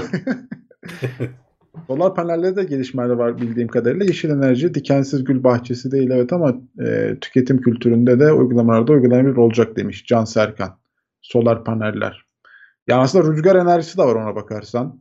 Ya Her alanda. Ee, rüzgar enerjisi, işte güneş enerjisi, işte pil teknolojisi gelişiyor bir yandan. Farklı farklı yöntemler kullanmaya çalışıyorlar. Yani sonuçta pek çok alandan bu alanda ilerleniyor. E, Cem Özer gelmiş 20 lira göndermiş yine kaçırmışım demiş. Sağ olsun Teşekkür eksik ediyoruz. olmasın. Geriden de- gelebilirsin baştan. Evet. Hidrojen depolanması zor, elektroliz üretiyor, verimli değil demiş Brave. Evet. Olabilir. Bakalım. Ee, motor artı şanzıman işi tam karmaşa. Doğrudur. Tabii bak şanzıman vesaire falan da aradan çıkıyor elektrik mot- motoru olduğu zaman. Direkt tekere bağlı. Direkt tekere bağlıyorsun. Fren fren ona göre daha verimli hale geliyor. Hani disklerin aşınması daha az oluyor. Çünkü o ters çalıştırıp geri enerjini alabiliyorsun falan. Ee, fren yapmayı düşündüğün zaman. Ee, elektrik hani çok çok çok daha şey oluyor. Hani pek çok parçadan kurtuluyorsun. O yüzden bakımı falan kolay dedim ben. Ee, karavanda güneş enerjisi kullanıyorum. Süper bir olay demiş Ersoy. Ee, yani orada etkili. Ee, yol içine gömülü bir sistem sayesinde telefonları doldurduğumuz gibi kablosuz bir şekilde elektrik verilip pil boyutları küçültülebilir demiş Ferhan. Ama onun e, ilk yatırım maliyeti çok ciddi olur ya. Yolları Tabii, yani tabii. sen nasıl öyle yapacaksın? Bir de işte o kablosuz da aktarırken kayıp vesaire falan. Evet. Hani bir de bütün yolu da kablonun üstünde döşeyeceksin falan. Kaş Ee, yapalım derken göz çıkıyor. Evet, evet öyle olmuyor. Öyle olsa yaparlar zaten. Emin ol uğraşırlar. Tamam. Bunun üstüne konuşmak isteyen çok arkadaş var ama haberleri bitirelim. Olmadı kulis bölümünde Kuliste devam, konuşuruz evet. devam ederiz. En azından haberlerimiz bitmiş olsun. Sıradaki haberimiz. Biraz korkutucu. Kediniz sizi görmese de konumunuzu takip ediyor. Evet. Bu e, Google'un e, konum servisi mi acaba ya? O da ke- çalışıyor. kedinizin gözünden bir şey kaçmıyor diyelim. Evet. Ya aslında o değil. Şöyle e, şimdi sonuçta hayvan seni takip ediyor. Sen bir engelin arkasına gitsen de oradan konuştuğunda konumunu biliyor senin. Nerede olduğunu biliyor. Şimdi bu araştırmada şunu denemişler. E, ortama şey yerleştiriyorlar. E, ne denir? Hoparlör yerleştiriyorlar kedinin görmeyeceği bir şekilde. Sahibi çıkıyor yanından kalkıyor gidiyor işte içeri odaya. Şimdi kedi senin yan odada olduğunu biliyor. Sağdaki odada olduğunu biliyor. Oradan konuşuyorsun falan. Hani biliyor hayvan senin kafada bizimki buraya gitti diye. Ama sonra hoparlörden senin sesini veriyorlar. Bambaşka bir yerden sesini verince hayvan bir anda şaşırıyor. Lan bu nasıl buradan buraya gitti diye böyle ışınlandı mı diye. Beklenmedik bir hareket yaptığını düşünüp şaşırıyor. Bu da şey anlamına geliyor. Hani kedilerin aslında görmese bile senin konumunu e, şey yapabildikleri hatta onun bir işte burada ismi var. E, uzamsal biliş diye denilen bir şey var işte. Senin konumunu bile biliyor. Bu önemli e, zeka göstergelerinden bir tanesi. Orada işte sen normalde sağ tarafta olması gereken yerdeyken bir anda solda sesi gelince hayvanlar e, şaşırıyorlarmış. Japonya'da bunu denemişler. Böyle bir düzenek kurup e, sahipli kedilerde ve işte bu kafelerde orada biliyorsun kedili kafeler var. Gidip sevebiliyorsun hayvanları. E, oralardaki kediler üzerinde denemeler yapmışlar. E, işte socio-spatial cognition diyorlar. Bak Türk İngilizcesi bu. İşte sosyo-uzamsal e, biliş diye Türkçe'ye çevirebiliriz. Hani sosyal olarak senin çevrendeki canlıların veya işte grubundaki üyelerin nerede olduğunu kabaca biliyorsun. Hani sesin geldiği yere göre konumlandırabiliyorsun. Bambaşka bir yerden gelince hayvan bunun normal olmadığını algılayıp şaşırabiliyormuş. Evet bilmiyorum. Kedim yok. o yüzden de tam e, ne kadar test edilebilir bir şey bilemiyorum. Ama doğrudur abi. Kediler e, tuhaf hayvanlar ya. Yani böyle psikik güçleri olabilir gibi geliyor bana açıkçası.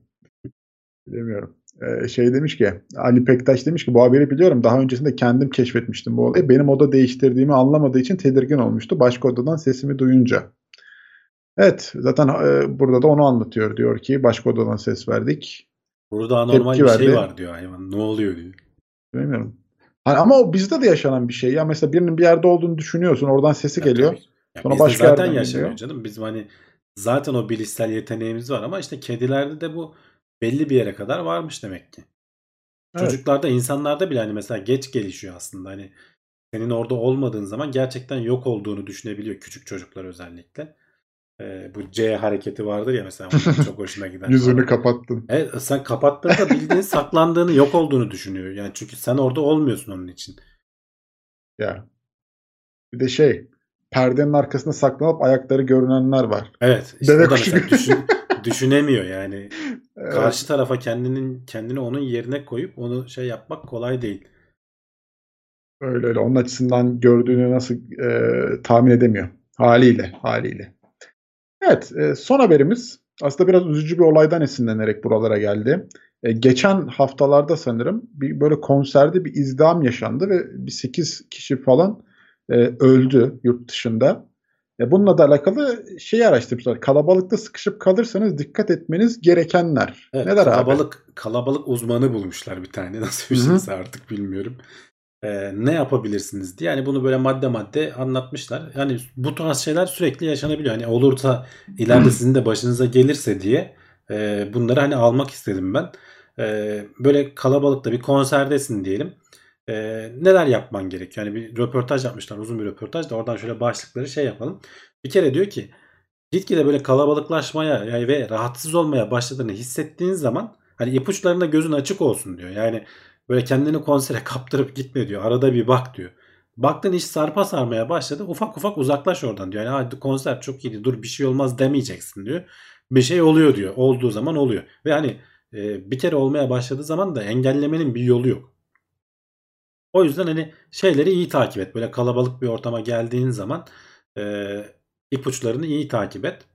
E, ufak ufak işte dediğim gibi kalabalıklaşmaya başladığı zaman bunun da hani bir ölçüsü var aslında. Diyorlar ki hani metrekareye 5 kişi ve 6 düşüyorsa sorun yok. Hani rahatsız olursun ama sorun yaşamazsın diyorlar.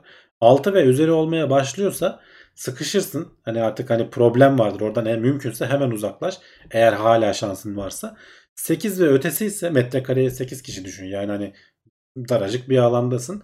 Gerçekten problem. Hani kesin e, birilerinin başına bir şey gelecek demektir diyor. Hani bu bir metrekare içerisinde hani 6 kişi miyim 5 kişi miyim hani bilmek kolay değildir diyor. Onu da şöyle olsun diyor. Hani sağ omzunda sol omzunda önünde arkanda sürekli birileri sana böyle dokunuyorsa düşündüğünden hani beklediğinden daha fazla hani rahatsız olmuyorsun ama bir böyle sıkışıklık hissi varsa bil ki 5-6 seviyelerindesindir diyor. Biraz daha sıkışmaya başladığı zaman iş sarpa saracak. Gidebiliyorsan git diyor oradan mümkünse.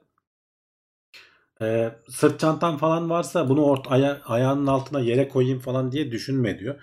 Çünkü hani böyle durumlarda e, herhangi bir engel takılıp düşmene ve bir kere düştün mü de kalkamamana neden oluyor. Sen düşüyorsun başkalarını da düşürüyorsun. Senin üzerine düşüyorlar ve eziliyorsun yani. Hani insanlar da engel olamıyorlar kendilerine. E, çünkü o kalabalıkta e, sıkışıp böyle hareket etme şey olduğu zaman böyle dalgalar gibi zaten sıradaki haber de o şey e, madde de o. Dalga geldiği zaman diyor dalgayla beraber hareket et. Direnmeye çalışma diyor. Yani biri seni ittirdiği zaman sen de onu geri itme diyor. Sen de beraber onunla git diyor. En kötü şey şu oluyormuş. E, türbülans diyorlar. Kalabalık türbülansı. Birden fazla dalga iki taraftan gelip de o dalgaların böyle patladığı yerde sen varsan iki tarafta seni eziyor. E, oralara denk gelmemeye çalışacaksın. Nasıl olur onu bilmiyorum. Böyle duvar gibi veya beton gibi önünde engel varsa buralarda durmamaya çalışıyor. Çünkü dalga geliyor o duvarda patlıyor. Sen arada eziliyorsun aslında tam anlamıyla. Ee, şey olursa e, çok sıkıştığın zaman e, kalabalıkta e, nefes alamayacak hale gelebiliyorsun diyorlar. En büyük problemi oksijensizlikten bilincini kaybetmek. O yüzden diyor ki şey yap. Şöyle hafif ellerini öne koy. Yani yarım santim, bir santim ciğerlerinin böyle genişleyebileceği alan açabilirsen kendine biraz enerji harcaman lazım. İnsanlar sıkıştıracaklar seni. Hani kolların biraz direnmesi lazım. Nefes alabiliyorsan sorun yok. Hani oksijensiz kalmazsın diyorlar. Tabi böyle hani tünel münel falan gibi bir yerden değilsen biliyorsun eskiden hac faciaları oluyordu. Tünelde Evet, evet. oksijensiz falan da kalabiliyorlardı. Hala oluyor mu bilmiyorum nasıl oralar ama.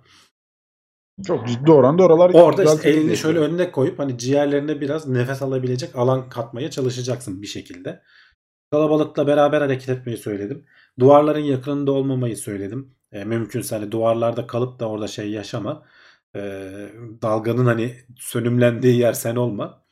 E, bir de işte az önce söylediğim gibi ne zaman kalabalık olmaya başladığını hissedeceksin. Hani sıkışmaya başladığın zaman 5-6 kişiler sınırısındasındır. Daha fazla olmayacaksın. Ve böyle durumlarda da diyor kalabalıkla beraber hareket ederken falan düşen müşen olursa yardım et diyor.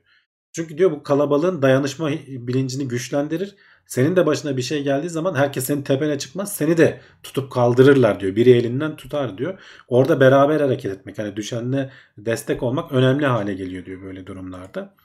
Ee, yani ama en önemlisi hani bu iş hiç yaşanmadan Kalabalıktan Önce- uzaklaş. yani baktın iş sakata gidecek. Sıkışmaya başladı insanlar. Ee, hareketler abuk subuk bir şeyler olmaya başladı. Oradan uzaklaşacaksın hani konser monser parasını verdik demeyeceksin. Ya bilmiyorum işte şimdi ben bu e, yaşamadığımız için acaba hani o izdam neyden başlıyor? Nasıl o noktaya geliyor?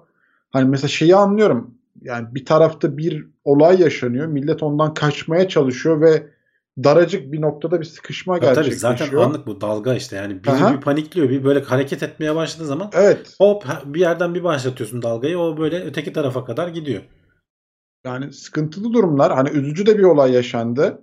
E, dikkat etmek lazım. Evet böyle bir durumda kaldığınız zaman e, yani tabii bilmiyorum hani o kalabalıkla hareket etme mevzusunu ne kadar yapabilirsin ki? Yani bunun herkesin bilinçli olması lazım. Böyle bir harekete Evet Ee, yani devam panik zaten en edebilsin. kötüsü panik yani Aha, panikle kaçmaya başladığı zaman insanlar düşenleri falan da dinlemiyorlar. Ezip geçiyorlar. Yani orada ezilenler e, genelde şey oluyor.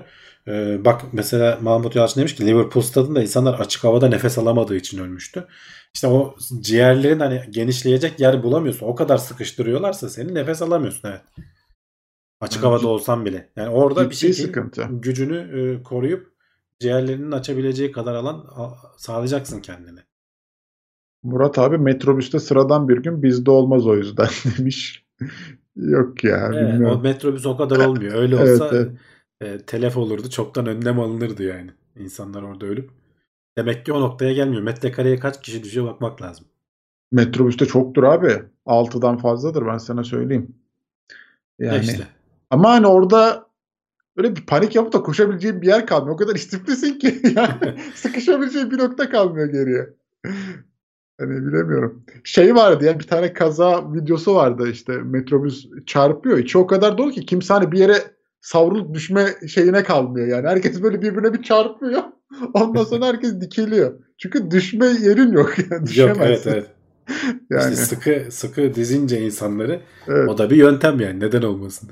Düşüşler paniği arttırıyor. Ya tabii hani artık oradaki kaosu bilemiyorsun İşte ama o yüzden şey önemli yani çantamı yere koyayım işte bir şeyleri atayım yere demeyeceksin. Çünkü düşürebilir seni. Başkasını düşürebilir.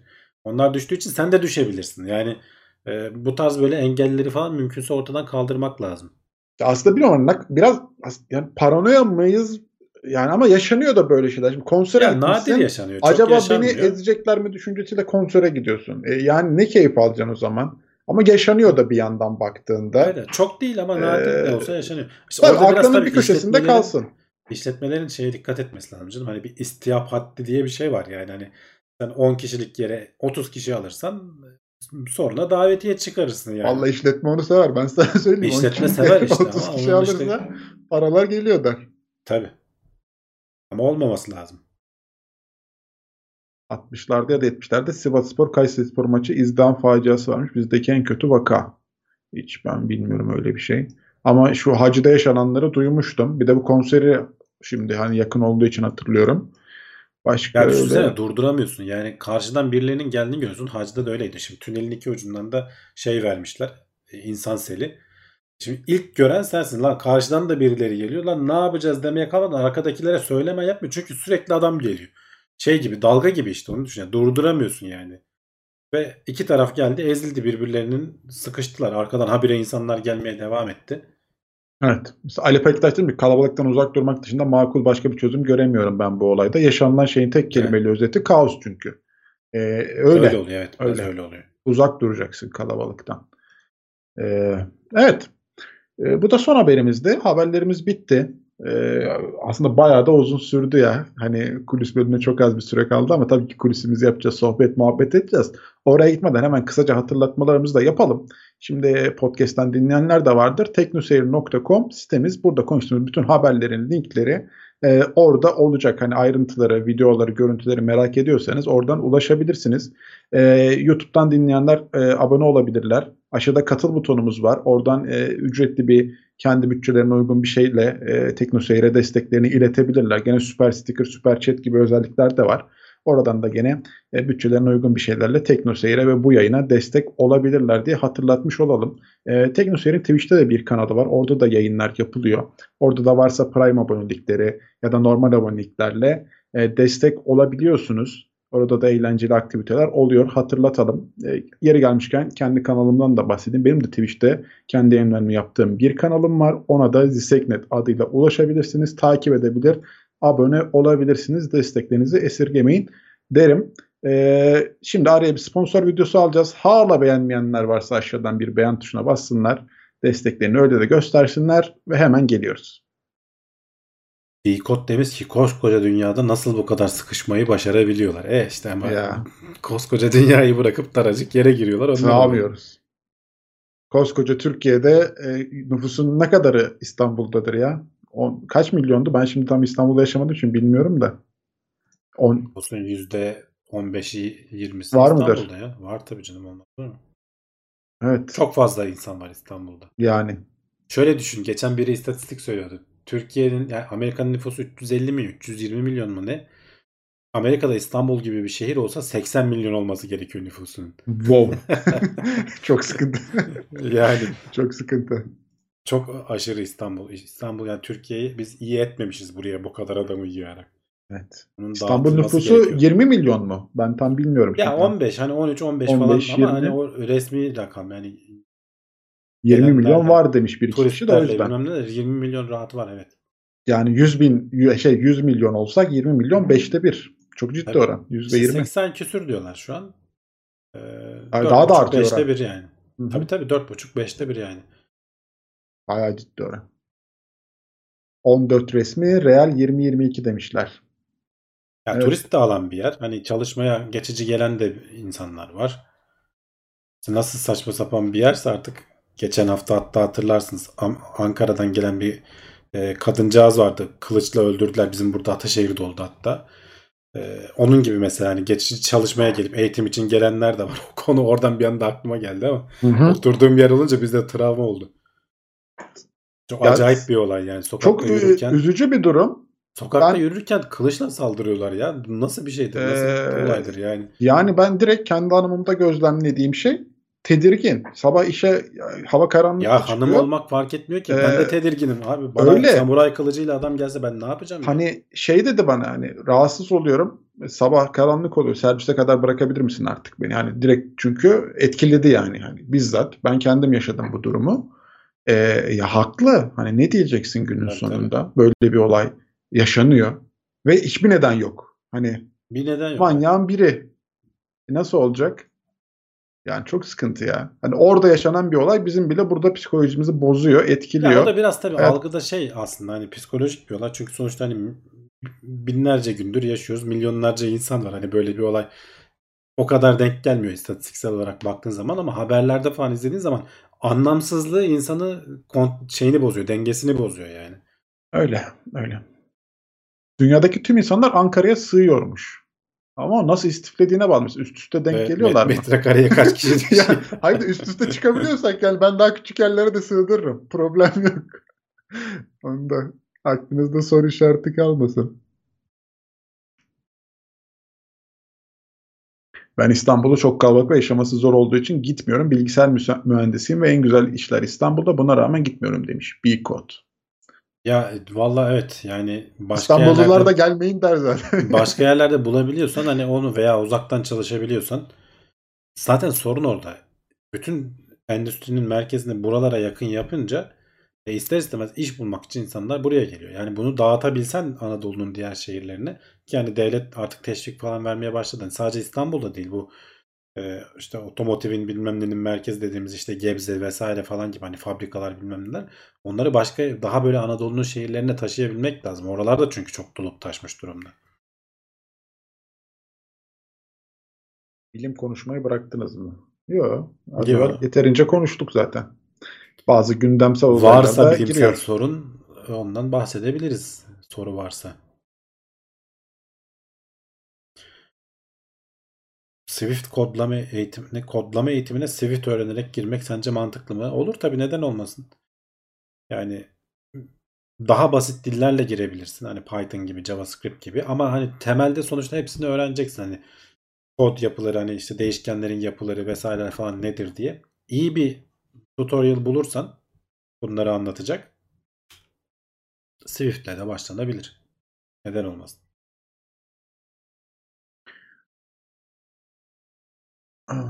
Evet. Ben İstanbul'da memurum kaçmak için yol arıyorum demiş Mahmut. evet İstanbul'a memurlar çünkü hani memurların maaşları da standart olduğu için şehirden şehire değişmiyor çok fazla. Gelmek istemiyorlar çünkü kiralar bilmem neler falan uçmuş durumda. İstanbul'u pek tercih etmiyorlar yani. Mantıklı Öyle. olarak. Kaan Cenk demiş ki Python mı Rust mı başlamak için ideal? Neye başlamak için? Yazılımına yeniden baş, yeni başlıyorsan Python'a başla. Rust biraz kafanı karıştırabilir. Bir de ne yapacağın da önemli. Hani yapay zeka falan alanlarına gireyim diyorsan Python'la önün daha açık. Daha çok şey bulursun. Rust geleceğin hani belki dili olacak gibi diye bahsediyorlar. Hani çok övülüyor herkes tarafından. Ama öğrenme şeysi eğrisi çok dik diyorlar. Zorlanırsın. O yüzden başlayacaksan Python'la başla. Daha genele hitap edeyim diyorsan JavaScript'le başla. Her alanda iş yapabilirsin. Web geliştirici olabilirsin. Mobil geliştirici olabilirsin. Backend'ci olabilirsin. Frontend'ci olabilirsin. JavaScript o bakımdan çok çok çok esnek. Kodlamaya vakit ayırmak belki de yapılacak en güzel şeylerden biri ama bilmiyorum benim o kadar vaktim olduğunu düşünmüyorum ya. Çok istiyorum ama ya yani yarım kalacak vaktim olacak diye bir şey Başlayacaksın canım ufak ufak otur YouTube'dan hani o gün Netflix'te dizi izleyeceğine iki tane tutorial izle. İşte olmuyor nasıl? O zaman ee, Netflix'te yani. dizi kalıyor geride. E kalsın. kalsın Ona ne yapacaksın yani. O zaman. O zaman eğlenir miyiz ama kod yazarken? Ya ilgini çekiyorsa eğlenirsin. Evet. Başta biraz zor gelecek yani normal olarak hani her yeni başladığın şey zor. Ama mantığını falan anlamaya başladıktan sonra keyiflenir.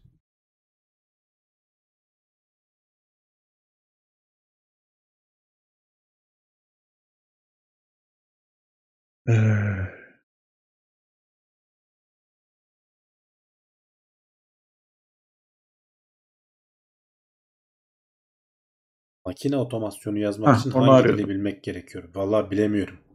Neyle yazılıyor ki onlar? C, Makineden C makineye değişmez mi ya acaba hani? Yani evet. C ile falan yazılıyor olabilir.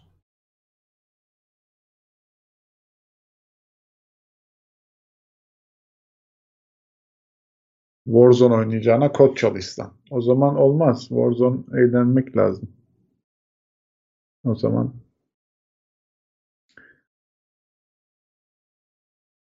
Serverless her yeri kaplar mı yoksa hype mı? Yani her yeri kaplamayabilir. Ama e, senin kullanım ihtiyacına göre hani ilk hızlı başlamak için işine gelebilir. Sonra yükün arttığı zaman serverless dediğimizde şu arkadaşlar normalde hani her bir hizmetin bir server olması gerekir. Hatta bazen birden fazla server olması gerekir. İşte Amazon gibi Google gibi firmalar artık sen diyorlar ki serverla bilmem neyle uğraşma. Bana fonksiyonu ver. Çalıştırmak istediğin fonksiyonu ver. Ben onu anlık olarak çalıştırayım. Sen bana sor diyor. Sunucuyla falan uğraşma diyor. Sunucuyla hani uğraşmamanın avantajı şu. Yük dağılımıyla falan sen uğraşmıyorsun. Yani her gelen yükü Amazon senin için karşılıyor. Maliyeti de kullanmadığın zaman da ödemiyorsun. Çok iyi oluyor. Çünkü server'ı oraya koyduğun zaman ödeyeceksin yani onun parasını. Kullansan da kullanmasan da. Geceleyin şimdi e, yük düşüyor. E, para ödemeye devam ediyorsun sunucu. Gene orada bir saat açık, 6 saat açık. Serverless'ın o avantajı var. İstek geldikçe öde, ödemesini yapıyorsun. Dolayısıyla maliyeti çok iyi oluyor. Ama onun da işte her iş yükü için uygun olur mu olmaz mı onu bilemiyorum. Ee, şey diyorlar hani hızlı başlamak için maliyetleri düşük başlamak için projelerin başındayken olabilir. Ama sonra hani baktığın iş tutuyor. E, gene kendi sunucularına falan geçmen gerekir diyorlar. Çünkü serverless'ta falan da şey var. E, bir böyle ısınma süreleri falan var onların. Senin kodun mesela Amazon'da aptal değil. Senin kodunu sürekli bellekte tutmuyor. Senin kodun kullanılmıyorsa bir süre sonra kaldırıyor bellekten başkaları çalışsın diye. Onlar da optimizasyon yapıyorlar. Sonra sana bir ilk istek geldiği anda senin kodun tekrar okunup belleğe yazılıp da şey yapılana kadar bir süre geçiyor. O serverless'ta e, bu tarz böyle başka yan etkiler var. O yüzden her yeri kaplar diyemiyorum. Ama e, kesinlikle de işe yara- yaradığı alanlar var. Yazılıma başlamak için e, yeterli Türkçe kaynak yokmuş. Hep bilenler için varmış. Ne diyorsun abi bu konu hakkında? Ya Tarih öyle demiş. değil. Udemy'de falan bir sürü video vardır. Ee, birazcık hani para verirsin. Hani o da çok pahalı da değil. Yani 30-35 lira falan dersleri. Ee, indirimlerini falan da yakalarsan daha bile hatta bedavaya gelebilir. Ee, ama yani sonuçta günün sonunda İngilizce bilmen çok önemli. Ben her zaman onu söylüyorum. İngilizce öğrenin. Yazılımın bütün şeyleri orada. Ee, kaynakları, yenilikler. Hani Türkçe kaynak elinde sonunda olur. Ama yeni bir şey çıktığı zaman ilk İngilizce çıkıyor. Yeni versiyonu çıktığı zaman onun Türkçe'ye gelmesi senin senin aradığın bir sorununun cevabını hani yazılımcı artık gününün bayağı bir kısmını Google'da arama yaparak geçiriyor. Yani benim sorunumu çünkü birileri çözmüş oluyor. Ben sıfırdan oturup ona uğraşacağıma ne yapmış da çözmüş diye Google'dan arıyorum. İşte o e, neydi? Sitenin ismi şimdi adını unuttum. Stack Exchange. Hmm. E, oralardan senin için sorulan soruları bulup cevaplarına bakıyorsun. Ameri- E, Am- Amerika'yı tekrar keşfetmeye gerek yok yani. Tabii, Aynı tabii, aynen. bir daha bir daha Ya ben bazen çalışmak. şeyi bile unutuyorum. Mesela işte çok çok günlük kullanmadığım bazı komutları bile akılda tutmuyorsun. Google'a yazıyorum. Şeyin JavaScript'e işte o Mozilla'nın Developer Network'ü çıkıyor genelde zaten MDN'den sonuçlar geliyor. Ha bu komut böyle kullanılıyordu diye bir arama yapıp ondan sonra yazmaya devam ediyorsun. İşte bunlar hep İngilizceyi gerekli kılıyor biraz. Evet. Yani aslında e, bir süre sonra İngilizceyi de öğrenmek şart kalıyor diyebilir miyiz? Bence kalıyor. Evet yani şart. Yani Türkçe Senin başlasam önü- bile önünü de açar bir de onu diyorum. Yani oradaki e, şeylerden ne hem sorunu çözmek hem iş bulmak babında iş bulmak da. için tabii dünyaya şimdi uzaktan çalışma falan da yaygınlaşıyor. Var benim çevremde bir sürü yurt dışına iş yapan. Hakikaten bu doların, euronun bu kadar arttığı dönemlerde adamların kafası rahat. Hani dolarla mı kazanıyorsunuz diyor ya. Adamlar dolarla kazanıyorlar yani hiç de dertleri değil. Evet. Stack Overflow ya. Stack Exchange de var. O ayrı bir siteydi de Stack Overflow aslında. Düşün bak o kadar aklıma gelmiyor. Site artık benim için hani normal e, her zaman girdiğimiz bir yer. Stack Overflow'u bir kaldırsalar hakikaten dünyada yazılım geliştirme Çöker. süreçleri şey olur uzar yani. Hani çökmez de uzar. Herkes bir daha. Abi hemen ye- yeni şeyini yaparlar ya. Benzerini. Sıkıntı olmaz. Optimus Optimum demiş ki hafif esintinin bile hasta ettiği konusunda neden bu kadar takıntılıyız acaba? Bizden başka hiçbir milletin bizim kadar takıntılı değil. Ya bilmiyorum başka milletleri bilmiyorum ama evet öyle bir durum var. Hani hafif esinti yani çok hani soğukta kalma işte hasta olursun falan. O kadar hani birebir ilişki yok ama bir etkisi de var. Özellikle vücudunun belli bölgeleri üşürse ayaklar vesaireler falan. Vücutta zaten var olan mikrobun bağışıklık sisteminin önüne geçmesini sağlayabiliyor. Dolayısıyla hasta oluyorsun. Aslında hani soğuk seni hasta etmiyor. Vücutta olan mikrobun yani bağışıklığının düşmesi hasta ediyor. Özellikle geçmişte hani böyle açlığın falan daha yaygın olduğu dönemlerde. Çünkü soğukta enerji daha harcıyorsun. O yüzden hani birle böyle bilinçaltına yerleşmiş bir şey var. Evet. O bir şey Google'da aramak utanılacak bir şey değil mi? Ben daha önce öğrenme aşamasındayım. Değil Ee, bir canım. yazdığım kodu bir daha yazmam gerektiği zaman Google'da arıyorum ama kötü hissediyorum demiş. Mert Yok Altıparmak. canım niye utanılacak bir şey olsun ki? Yani orada elinin altında öyle. Hatta bak şimdi günümüzde artık şeylerde kullandığımız bu VS Code gibi işte bu IDE diyorlar. Yazılım geliştirme ortamları, uygulamaları.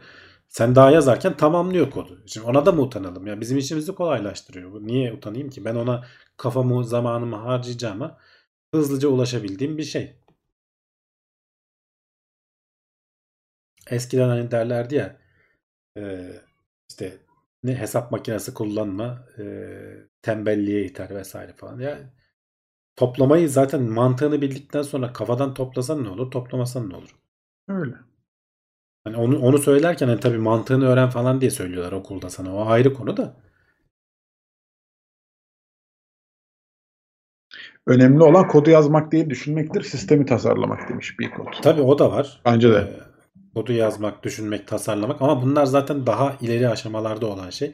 Bu tecrübe gerektiriyor. Öğreniyorsun zamanla.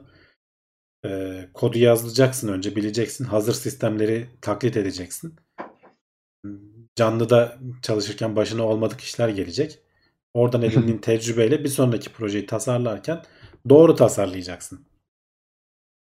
Şeyi falan var ya bu GPT-3'ü kullanarak e, geçenlerde sunum vardı bizim arkadaşlara gönderdim ofisteki. Bakın işsiz kalacaksınız hepiniz 5 seneye diye. ya yapay zekaya adam şey diyor. Oyun yazıyorlar ya. Şimdi o videoyu bulursam size gönderirim. Ee, ya gelecek hafta ekleriz konuşuruz üzerine kuliste. Adam diyor ki tepeden işte kaya düşecek. Alttan e, da bir insan o kayayı ka- kayadan kaçmaya çalışacak. Bu oyunu yazacağız diyor. GPT-3 hani biliyorsunuz bu yapay zeka ile çok güzel e, böyle makaleler yazan yapay zeka şeysi motoru. E, OpenAI'ın çıkardığı bir şeydi galiba. Onu o altyapıyı kullanarak senin sözlerini anlıyor alet. Diyorsun ki tepeye işte bir kaya koy. E, o kaya aşağı doğru düşsün, hareket etsin. E, aşağıya bir adam koy. Adam olarak da şu, şu linki kullan diyorsun. Onun linkini veriyorsun. Yani fotoğraflarını. Tepeye kayayı koyuyor. O düşüyor işte. Adam o kayaya adam kayaya temas ederse işte oyun bitsin diyorsun. İşte sağ tuşa basınca adam sağa hareket edecek. Sol tuşa basınca sağa hareket edecek. Ya bunları sözlü söylüyorsun. Alet yapıyor yani. Normalde ve ve yanda da yazdığı kodu da görüyorsun. JavaScript kodu yazıyor. JavaScript de yazıyor bunu. Sen söylüyorsun alet takır takır çıkarıyor. Yani o kadar e, yani bilmiyorum belki de hani demo için ama yani GPT-3'ün ne kadar başarılı olduğunu da bildiğim için çok da demo gibi de gelmedi. Çünkü sonuçta GitHub gibi şimdi Google şeyde Microsoft falan da başladı. Sana işte yardım eden kod asistanları. Adam milyarlarca kodu satırını inceliyor GitHub'daki yapay zeka. Senin ne yazmak istediğini önceden tahmin edip şunu mu yazıyorsun diye doldurup çıkarıyor mesela. Bunları kullanacağız. Yani bunlar bizim işimizi elimizden alır mı? Almaz diye düşünüyorum ben. Sen daha çok tasarım, işte hata giderme falan gibi alanlara kayarsın böyle durumda. Evet. Belki de grafik tasarımcıların işini de rahatlatabilir mesela yani. Ya da hiç gerek kalmaz. Yani şunun bir rengini değişik bir değişik rengini görelim dersin. İki tık sağa Hemen- kaydır hemen diye. iki, iki tık sağa kaydır. Şu yazıyı bir tık büyüt. Ya o noktaya gidiyor. Artık hakikaten sözlü komutlarla falan bu işleri götüreceğiz yani. evet. Ama işte tabii hani tasarım kısmı vesaire ne kadar şey olur? Ee, hani orada bir işin içine sanat hissi de geliyor sonuçta. Ne kadar hani yapay zekaya bağlanabilir onu bilemiyorum. Makineler devrim yapacaksa yapsın artık sıkıldım bu işten demiş Ali Pektaş. Yani herhalde Ne o durumda biz bilmiyorum. Makineler köle olmuş yapsın. oluyoruz. Ama İyi mi olur bize kötü mü Evet. olur onu bilemiyorum. o yüzden biraz daha bekleseler olur ya. Yazılımcılar bile işsiz kalacaksa kim çalışacak demiş Peacock. Ya şimdi devir değiştikçe e, zaten hani yapay zekanın en büyük şeyi de o diyorlar ya. Bu değişim hani hiçbir şeye benzemiyor. Şimdi buna benzer tarih boyunca bazı değişimler olmuş. Mesela tarım toplumuna geçiş çok büyük bir değişiklik sağlamış. Endüstri devrimi çok büyük bir değişiklik sağlamış. İşte buna benzer elektronik devrim önemli değişiklikler sağladı. Ama her seferinde biz işte işte mesela işte atıyorum ATM'ler yaygınlaşacak, bankacıların sonu gelecek deniyordu 80'lerde falan. ATM'lerin yaygınlaşması bankacılığı arttırdı çünkü alternatif şeylere kayabilir oldular. Eskiden vezneye adam koyman gerekirken şimdi o vezne müşteri temsilcisi haline geldi. Adam sana sigorta da sattı, bilmem ne de sattı. Maliyetler düştüğü için daha fazla e, şey açılabilir hale geldi. Bilgisayarlaşmayla beraber şube açılabilir hale geldi. Dolayısıyla bankacılık ölmedi, arttı. Ama bu yeni yapay zeka devrimi dedikleri yani bunun yaygınlaşması çok çok daha farklı bir şey. Bazı şeyleri hakikaten temelden etkileyecek. Belki yeni iş kolları çıkaracağız. Hani geleceğin bu fütürologlar falan da diyorum ya insanlar daha çok eğlence işlerine, sanat işlerine falan kayacak. Belki öyle şeylere kaymak zorunda kalacağız. Ya da e, şimdi ara ara denemelerinin yapıldığı hani bu sosyal düzeni sağlayabilmek için sırf vatandaşı olduğun için sana bir asgari ücret bağlanacak. Asgari geçim indirimi de yok neydi? Asgari e, evrensel asgari ücret. Asgari geçim indirimi başka bir şey. Kafa oraya gitti. Evrensel asgari ücret gibi bir şey bağlanacak. Sırf vatandaş olduğu için sana ödeme yapılacak ki ekonomi dönsün. Çünkü yani çalışmazsan o yapay zekanın ürettiği paran olmazsa o yapay zekanın ürettiği bir şeyi alacak adam da olmaz. Ekonomi dönmez toptan ölür. O yüzden bunun denemeleri falan yapılıyor bazı yerlerde ve genelde de olumlu olduğu söyleniyor. Bilmiyorum belki gelecekte öyle olacak. Minimumda bir şey geçecek eline daha fazlasını istiyorsan biraz daha çalışacaksın. İşte belki kişisel mesela işte atıyorum e, ne bileyim böyle hiç, hiç şimdi eskiden olmayan şeyler çıkıyor. Yaşam koçluğu işte nefes koçluğu falan gibi bir şeyler çıkıyor mesela hiç eskiden olmayan. Belki öyle şeyler yaygınlaşacak.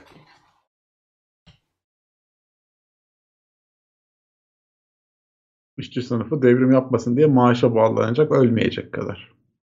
Demiş İşçi İsa. sınıfı diye bir şey kalacak mı? Ondan emin değilim işte. Yani bu teknolojilerin hani bu kadar şey yapması belki işçi diye bir şeyin kalmasını engelleyecek. O fabrikalarda işte robotikler vesaireler falan iyice yaygınlaştığı zaman. Makine kendi bakımını yapacak düzeye geldiği zaman. Ya makinenin bakımını yapan şimdi normalde 100 kişi çalışıyorsa bakım yapacak 10 kişi çalışacak. İşte doktorlara mesela sadece işçi gibi de düşünme. Hizmet veren sektörler için de aynı şey geçerli. Şimdi doktora yapay zeka destek olacak diyoruz. Hani birebir aynı işi yapamasa bile. Tanı koymasını doktorun e, yarı yarıya indirse hızını arttırsa ya da öyle söyleyelim. E, yani iki doktor çalıştıracağına lazım. bir doktor çalıştırırsın hastanede. E şimdi öteki doktor ne olacak? Yani o, onun başka bir iş kolu bulması lazım. Ve bu her alanda avukat için de geçerli, hakimi için de geçerli, öğretmen için zaten hani bu online eğitimler bilmem neler falan bir sürü bir şeyleri değiştirdi falan. Çok hızlı değişiyor. Bilmiyorum hani öngöremiyorum da ben açıkçası hani. Bir şekilde insanlık uyum sağlayacak. Ama nasıl sağlayacağız onu bilmiyorum. Evet bugüne kadar hep yaptığımız gibi uyum sağlanacak görünüyor.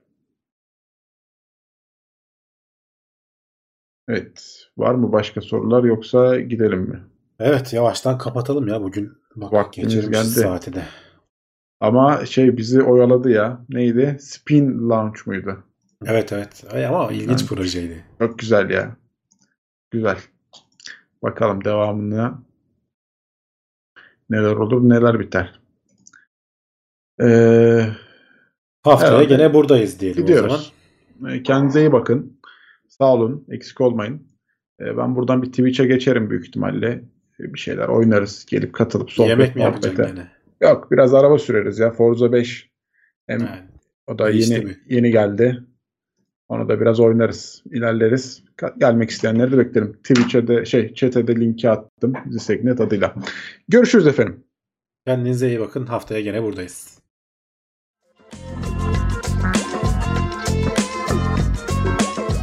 Tailwords teknoloji ve bilim notlarını sundu.